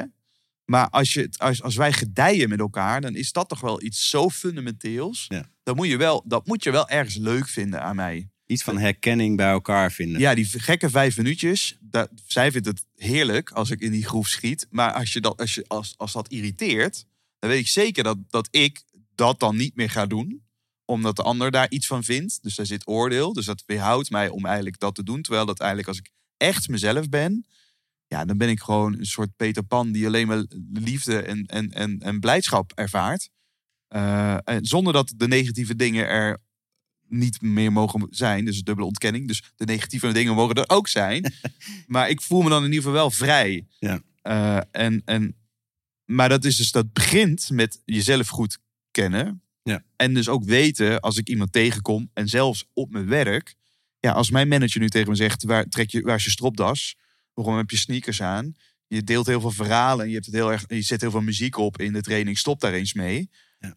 Ja, dan wordt het voor mij wel gemakkelijker om dan de moed te hebben om te zeggen: joh, dan zijn wij die combinatie niet. Ja, en dan is wel, dan, maar dat is dan toch de idealist in mij, die dan zegt: er is een oplossing. Er is een manier die voor jou werkt en voor de ander werkt en voor iedereen goed is. Ja. En, en eh, Deze komt dan weer terug, hè? Ja, dit in mij, die, die, die, eh, ik, ik denk, eh, soms kan die ook wel ehm, het moeilijk vinden om, om gewoon te accepteren hoe het is. Dus dat is mijn uitdaging. Ja. En, en tegelijkertijd is die in relaties en teams vaak heel helpend, omdat ik nog een soort van hoop heb dat het wel kan. en die hoop vaak de energie is, waarop inderdaad dan. Misschien, mogelijk. Ja. En dat is wel die laag van verbinding met, eh, met jezelf. Wat is voor jou belangrijk? Verbinding met elkaar. Wat is voor die ander belangrijk? En dan komt dat samen prioriteren. En daar zit wel ergens die principes van consentbesluitvorming. ja. En luisteren naar elkaar. En eh, jij- noemde het, of was het voorgesprek, over het boodschappenlijstje. Ja, Ik dat, we gaan nu naar prioriteren. Pri? Het Ja, ja. boodschappenlijstje noem ik dat Ja, inderdaad. Ja. Dat is op een rij zetten van, oh, maar eh, ik heb die vijf minuten, ik heb dit en dit en dit, dit. Oh, ik vind die vijf minuten eigenlijk heel irritant. Oké, oh, boeiend joh, interessant. Oh, wat zijn we eigenlijk verschillend. Nou, dat wordt een uitdaging om iets te vinden. Wat leuk, ja. Als wij iets vinden, dan wordt het wel helemaal te gek. Want als het heel erg hetzelfde was, dan, eh, dan was het ook maar slappe hap. Weet je, alleen al met die energie erin gaan. En dan, ja, ik heb toch de indruk dat, en ik wil het liefst zeggen 100% van de gevallen, maar laat ik dan genuanceerd zijn, dat eigenlijk in de meeste gevallen het wel mogelijk is om een vorm te vinden die voor jou werkt en voor de ander werkt. Ehm, zelfs als Wendy die vijf minuten helemaal niks zou vinden, weet je wel, dan vinden jullie een vorm. Want omdat, omdat jij je gehoord voelt, omdat zij zich gehoord voelt, is het niet meer zo spannend als het gebeurt. Want jij weet al lang dat zij het niet fijn vindt en zij weet al lang hoe belangrijk dat voor je is, weet je wel, op die manier. Dus dan is de acceptatiegrens, zeg maar, daarvan, of, ja, die is veel makkelijker. Veel, eh, hoe zeg je dat? Je snapt wat ik bedoel, hè? Dat, ik, dan kan ik het veel makkelijker hebben als jij iets doet wat heel anders is dan wat ik zou Nou willen. ja, en het zit er vooral in als je allebei jezelf goed kent. Ja. Dan zit er dan, eh, dus als je jezelf hebt geaccepteerd met alles, alle kanten die in je zit, Ja. hoeveel gemakkelijker wordt het dan om die ander te Maar accepteren? dat zijn jouw vijf minuten. is het vooral. geen bedreiging meer. Nee, Want ik hoef dat niet meer te compenseren. Of te nee. Dus zij hoeft die speelset ook niet te hebben. Nee, het is niet nee. dat zij op de kop op de bank staat te draaien. Nee. Ik doe dat. Ja. En zij kijkt daarnaar, ze grinnikt een beetje en ze gaat lekker verder in de boek. Ja. En zij heeft dan weer dingen waar, waar zij, weet je, dat ze dan naar, naar het bos gaan en edelstenen begraaft en zo. Ja. Ik, ik, ik weet nog dat ik voor de eerste keer meeging op de wandel. En dat ze dan overal gingen ze dingen graven. Ik denk, oh, het is een hondje. Weet je? Ze heeft een bot gevonden of zo. Nee, er kwam ineens een potje omhoog met edelstenen en een brief aan zichzelf. En, en de- als, ik dit, als dit hoort, ze gaan mij dood maar Nee, nee, nee. Maar dat, maar dat zij dan zich echt weet je, weer verschaamd. Zo van, ja, maar ik denk, ik vind het alleen maar super leuk en lief en, en mooi dat ze dat durft te delen en, en, dat, en dat doet. Omdat ze dat gewoon fijn vindt. Ja. Eh, eh, en het- dat is het dus. Supergoed. Ja, het, nee, is, maar en het is niet dat ik dan vervolgens ook edelstenen moet gaan begraven in het bos. Ho, ho. Dus dat je dat, en stel dat je dat belachelijk vindt, dan zou het zomaar kunnen dat het eigenlijk een reflectie is van. Ja, waarom van, is dat dan belachelijk? Ja. Ja, van de dingen, eh, van sommige dingen die jij zelf het liefst ook zou willen doen, maar eigenlijk denkt dat het niet geaccepteerd is en dus het maar niet doet. Want Ja, en, dan komen we het even dus met jou te maken, met Precies. jouw beperking. En pas als je dat kunt accepteren, is het ook niet meer zo lastig dat zij dat doet. Ja, Dus dat is wel een grappige. Stel dat iemand nu luistert, hè, want je zegt ze vermoorden me. Stel dat iemand luistert. dat is een die grapje, denk Die ik hoor. denkt van, eh, jeetje, die, ja, nee, als jij morgen dood bent, dan weet ik wat er is. nee, ze hebben het nog niet geluisterd. Ik ben dan ook begraven, zeg maar, naast de edelstenen. Nee, maar als je dus, als je stel dat je dit luistert en je denkt, huh, potjes met edelstenen, nou, dat is echt zo'n spiriwiri type, Ja. wat. Lekker. Superleuk. Is gewoon een spiegel voor jezelf. Waarom denk je dat? Wat voor aannames heb je? En wat is dat voor reflectie voor een, een ongeaccepteerd een, eh, gebied wat je in jezelf nog hebt? Ja. Want dat zij dat doet is, is prachtig, omdat zij dat wil doen en omdat dat bij haar past, weet je wel. Ja. Ehm, En dan komt humor weer om de hoek kijken. Dat ik zeg, joh, ga jij even lekker zweeft even. En, eh, en, en ik zeg dat met liefde. Eh, en, en dat we al, elkaar dan een sufkuttenstel vinden. Want wij kopen dan het ANWB bierwandelboek. Ja. Ja, dat doen we natuurlijk. Daar, lachen we dan om. Want we denken, oh echt, worden we zo'n stijl? Weet je wel. Nou, zolang we maar niet dezelfde jas hebben. en dezelfde kleur, weet je wel. Op dezelfde fietsen. Ja, ja, dat. Ja, elektrische fiets met zo'n laadstation aan de achterkant. Weet je wel, dat. Ja, dat is Ja. seniorenstijl geworden sinds corona, weet je wel. Maar ook die grappen, die kun je dus maken. Omdat het gewoon geaccepteerd Omdat is. het oké is. Het is oké. Omdat het oké is. En dan is het leven dus, en dat is het leuke van mijn vak, eh, dan is het leven niet zo spannend meer. Want, want het, kan gewoon, dat zij zichzelf is en jij jezelf bent, en dat je het nog moet lachen, om moet lachen, ook hoe verschillend je ook bent, weet je wel? Ja. En, en dat alles wat ik ongemakkelijk vind aan Willeke is gewoon een spiegel voor wat ik eigenlijk zelf nog zou willen doen. Of wat ik lastig vind aan mezelf. Nou, en als ik dat aanga, kan ik ook weer groeien. Waardoor ik weer meer ruimte heb voor dat zij dat doet. Waardoor dat ook geen bedreiging meer is. Waardoor er weer een nieuw, nieuw level komt van iets aankijken. Dus eh, als ik op die manier naar, nou ja, ja, dan groeien we aan elkaar. Vier niveaus. Jezelf verbinden, verbinden met de ander. Prioriseren. Ja. Eh, Op een pragmatische manier, hoe ziet dat eruit in een meeting? Of in een, eh, gewoon een één op één, wat Ja, je hebt op je werk? eh, een consentbesluit bijvoorbeeld kunnen zijn. Hè? Gewoon, we gaan, als je wil weten hoe het werkt, dan moet je even op onze website samenwerk.nu kijken of ons boek lezen, waar de stappen ook uitgelegd worden. Maar dat je samen een besluit gaat nemen. En dan neem je dus niet een besluit over de inhoud, maar over het boodschappenlijstje eigenlijk. Dus je maakt een overzicht van dit is voor mij belangrijk, dit is voor mij belangrijk. Ehm, nou, en dan is de volgende stap, eh, ga eens even reageren op, op de ander, zeg maar. En, en dan al pratend in die rondes, al luisterend vanuit de houding, we gaan hier samen uitkomen. Vanuit de houding, ik geloof in de goede intenties. Vanuit, ik ben verbonden met mezelf en jij ook, dus we hoeven niet elkaar te compenseren, dat soort dingen. Ehm, ga je dan merken, oh, dan, dan is voor ons dus dit eigenlijk het belangrijkste en dit en dit en dit. En dan nou, heb ik geen bezwaar, consent, besluit genomen. En, en dan hebben we een volgorde afgesproken en die gaan we dan inhoudelijk bespreken met elkaar. Ja. En dan weten we datgene wat wij samen het belangrijkst vinden, of waar wij in ieder geval geen bezwaar bij hebben, dat gaan we eerst doen en dan komt de rest pas. Dus als we hem helemaal plat slaan, maak nou eerst eens even een afgestemde agenda. Ja. Voordat we de diepte ingaan. En je voordat je weet is het uur voorbij. Dan, en, eh, je hebt net niet gedeeld wat je eigenlijk had willen delen. Ja. Ja, en heb ik, ik heb heel erg jeuk op dat iets moet. Ik, wil, ik hou van vrijheid en autonomie en ruimte en dat soort dingen. Dus voel je vrij om het niet te doen. En waarschijnlijk ga je dan langs elkaar praten. Dus dit is gewoon een vorm die je helpt om eh, ook effectief te werken. Dus Ja. ook als je pragmatisch bent en je denkt... ik wil gewoon snel mijn klus geklaard hebben... dan is het dus slim, dat is ook weer zo'n leuke paradox... om niet te snel de inhoud in te duiken... maar juist even van een afstandje samen te kijken... hey, vinden wij dit wel samen belangrijk? Want als je dan de inhoud gaat bespreken... gaat die inhoud veel sneller. Ja. Want dan ben je niet afgeleid door... eh, fuck, nu zijn we een punt aan het bespreken... wat ik eigenlijk helemaal niet belangrijk vond... of dat soort dingen, weet je wel? Dus eerst er naar kijken, eerst naar jezelf kijken... dan naar de ander, dan samen kijken wat hebben we te doen... en dan pas inhoudelijk erin gaan. Mooi. En dat is instellen, gesprekken over wie doet wat, weet je wel? Dat gaat... Heel vaak gaan ze dat dan in de inhoud proberen op te lossen. dan gaat het dus over die sok op gaat, de hè, grond. vinden jullie dit samen belangrijk? En waarom raakt het jou zo? Waarom raakt het mij zo? En dan gaan we eerst even afdalen, want dan, is, dan gaat het niet meer over die klusjes. En die klusjes komen we dan, daar zijn we zo uit. Ja. En dus het kost ook niet meer tijd, alleen de tijd verschuift gewoon naar andere gebieden. Waardoor datgene wat je doet vervullender is. Als je kijkt naar de gesprekken die je voert met stellen die bij je langskomen, wat staat dan vaak verbinding in de weg? Wat weerhoudt mensen om eh, verbinding te komen? Als we dan even, we hebben het gehad over de persoonlijke belemmeringen, of belemmerende overtuigingen. Gewoon, zijn ook praktische dingen die, waarvan je misschien als stel denkt, oeh, we merken dat dit nu gebeurt. Nu moeten we wel oppassen en misschien juist de verbinding opzoeken.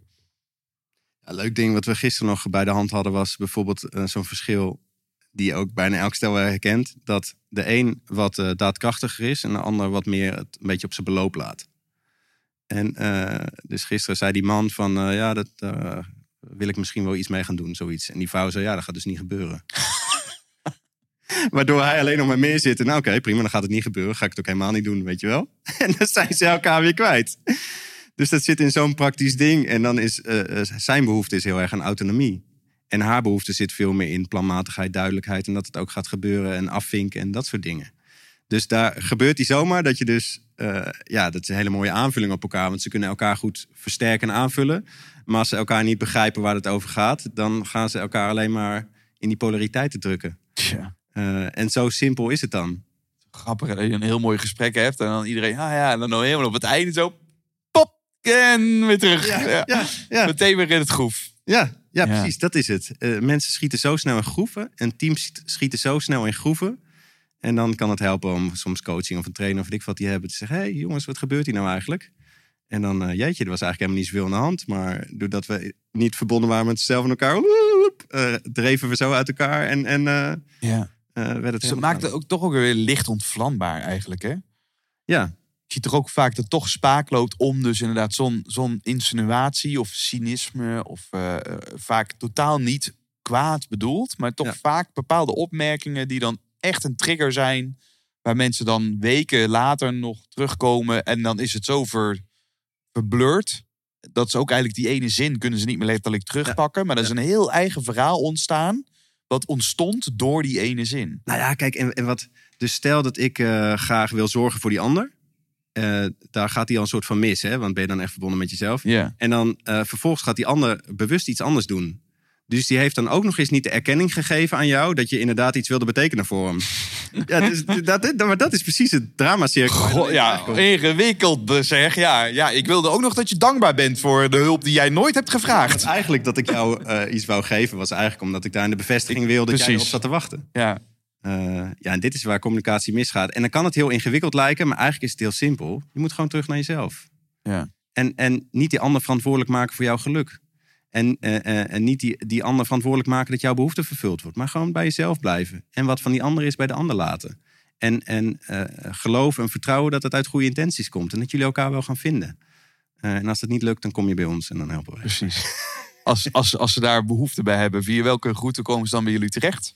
Nou, voor organisaties kunnen ze op samenwerkt.nu kijken. En voor ons samen bij ikwij.nl. Wat trouwens ons logo is die lemniskaten. Die, eh, Ja. Het gesprek is die niet meer langsgekomen. Maar dat is wel precies die, die golf van, van eh, ik en wij. Er zit ook Ubuntu in, daar hebben we het ook niet meer over gehad. Maar dat ik ben omdat wij zijn. Weet je wel, ik en wij horen helemaal bij elkaar. Is ook niet te isoleren. Nee, Ehm ikwij.nl. ikwij.nl staat Ja. genoteerd. Mooi. Arjan, we gaan naar de eh ontspotvragen. Ja, je hebt, je hebt de podcast, eh, al een, je hebt een aantal afleveringen geluisterd, dus je weet, je weet wat de vragen zijn. Ja, ja. Ready? Ik heb geprobeerd er niet over na te denken. En ik, ik denk nu ook, oh shit, wat was het ook weer? Ik, oh ja, dat ja. Precies de bedoeling, ja. Here we go. Eh, wat is een boek wat je enorm heeft geïnspireerd of wat je wellicht het meest cadeau hebt gegeven? Eh, noem ik er twee. Eentje is Wat je vindt mag je houden. Dat is van Jan van Koert. Mhm. Over geweldloze communicatie. En het is een dun boekje. En ik vind de titel ook briljant. Ja, prachtig. Wat je vindt mag je houden. En die andere is The Miracle Morning van Hal Elrod. Ah, doe je de Miracle Morning? En nu zit ik te toeren met de band. eh, en dan is het echt lastig te combineren om dan 's ochtends ook nog vroeg uit te gaan als ik s'avonds laat inleg. Maar dat is inderdaad wel wat ik doe. Vroeg eruit, gelijk naar buiten, een stuk wandelen. En eh, ik heb daar mijn eigen vorm voor. Ja. Eh, maar ik merk dat dat mij zo geholpen heeft om voordat de dag begon, eh, dat ik al begonnen was. Ja. Terwijl dat de dag al begonnen was en ik eigenlijk vanaf het begin een beetje ernaast of achteraan rende. Ja. En dat heeft me echt geholpen om te zeggen: oké, ik begin de dag voordat de dag begint met persoonlijke ontwikkeling, met rust, met stilte, meditatie, lezen. En als de dag dan begint, dan, dan heb ik ruimte voor de dag. In plaats van dat ik denk: shit, krijg ik het wel gedaan. Mooi. Mooi, staat genoteerd. Wat is een mythe over verbindende communicatie waar we echt vanaf moeten? Dat het soft is.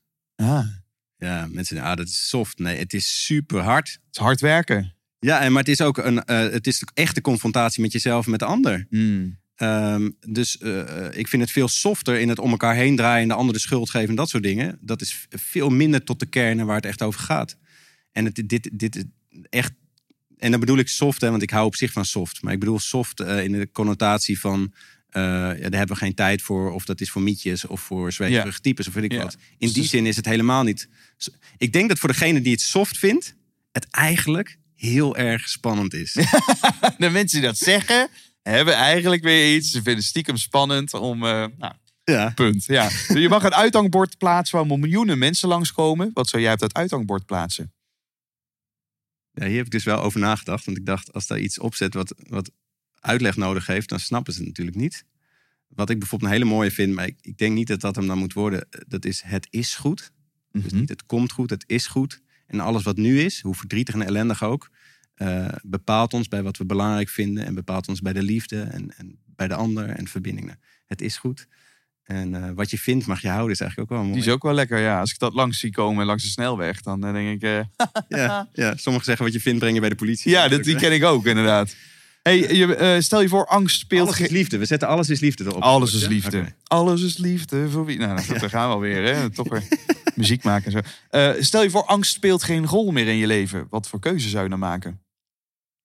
Ik denk dat dat momenteel is eh, dat ik alleen nog maar relatiecoaching met Willeke ga doen. En dat ik al het andere loslaat wat ik ook leuk vind en zoveel in gezaaid heb en weet ik veel wat. En wat ik ook kan en weet ik veel wat. En mijn bevestiging ook in vind. Allemaal loslaten, omdat ik dat is wat ik het liefst doe. Vasthouden en loslaten. Kunnen we ook een heel gesprek over Oh, voeren, ja. Eh, wie is voor jou een persoonlijk een idool of inspiratiebron? Oké, ga ik, ga ik de, de naam, naam die nu als eerste in mijn gedachten schiet, een beetje gekke naam misschien, maar dat is Chris Stro. Ik had van de week nog contact met hem, want ik had ergens op het grootste kennisfestival had ik een verhaal gehouden. Ah, En er kwam een foto en er stond hij op de achtergrond op het scherm. Ik had een foto van hem op het scherm, omdat hij, eh, wat ik van hem leerde, eh, deel ik veel met anderen. En ik denk dat hij in een tijd waarin ik heel erg puzzelde met, eh, mag ik echt mezelf zijn? En hoe verhoudt zich dat tot de ander? Was hij een docent van mij eh, op de Hogeschool in Ede. En hij stond voor de klas en hij was anders dan anderen. Hij was een beetje raar. Mensen vonden wat van wat hij zei en hij lachte erom. Hij Mm. vond het niet spannend en ehm, hij kon daarmee omgaan. En ik weet dat ik dat toen... Grappig hè, nu ik het zeg ontroert het me bijna. ja, ik zie het aan je. Ja. Omdat het eh, so- soort... Ik, ik realiseer me nu pas hoe soort jaloersmakend dat was voor me. En eh hoezeer me dat geholpen heeft om ook die... eh, ja, steeds meer in die rol te komen. En ik merk nu dat geweldloze communicatie me bijvoorbeeld helpt... om dat wat van de ander is bij de ander te laten. Waardoor ik veel rustiger kan luisteren. Dat ik dat oordeel wat ik... Nou ja, we hebben het allemaal... Het is heel logisch eigenlijk ja. Eh, wat, hoe de ander reageert, ervaar ik niet meer zoals een oordeel waar ik me in aan moet passen. Dus ik kan veel meer gewoon lekker mezelf zijn. En blijven lachen en verbinding houden met de ander.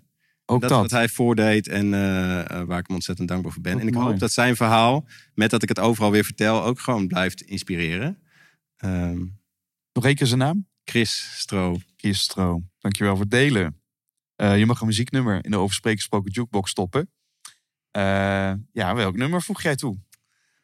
Oh, ik kreeg passief. eh, Deze had ik dus even gemist. Ik had de podcast, de laatste aflevering die ik luisterde, net niet klaar. Ehm, ehm, ehm, wat ga ik doen?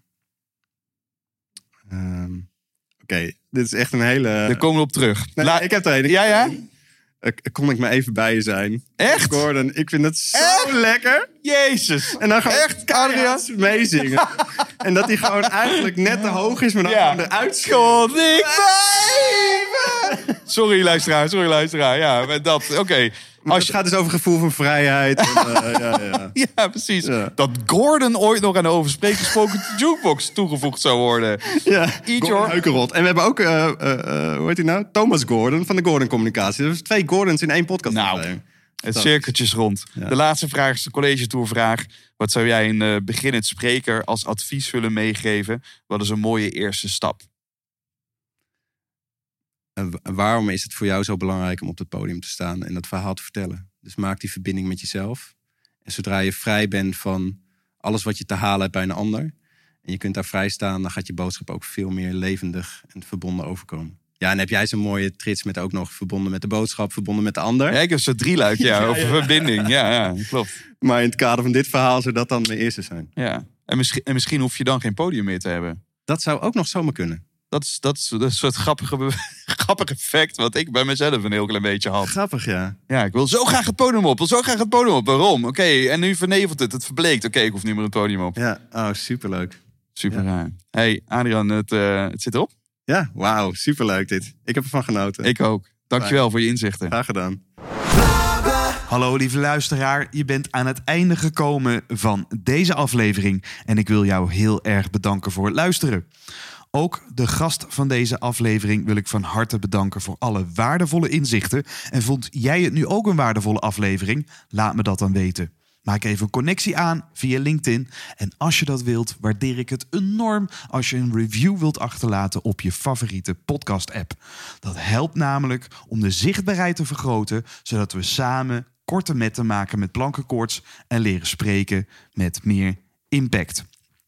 Wil je meer informatie over de podcast? Check dan mijn website www.glenvergozen.nl. En wil je zelf ook praten met resultaten? Dat kan. Ga dan naar www.desprekersregisseur.nl en meld je aan voor de gratis Online Sprekers Academy. Dit is een gratis online training met de negen beste lessen van twee jaar over spreken gesproken podcast. De missie van de Over Spreken Gesproken podcast is om jou te helpen je stem te vinden, zodat jij anderen kunt inspireren datzelfde te doen. Ik wil je heel erg bedanken voor het luisteren en graag tot de volgende aflevering.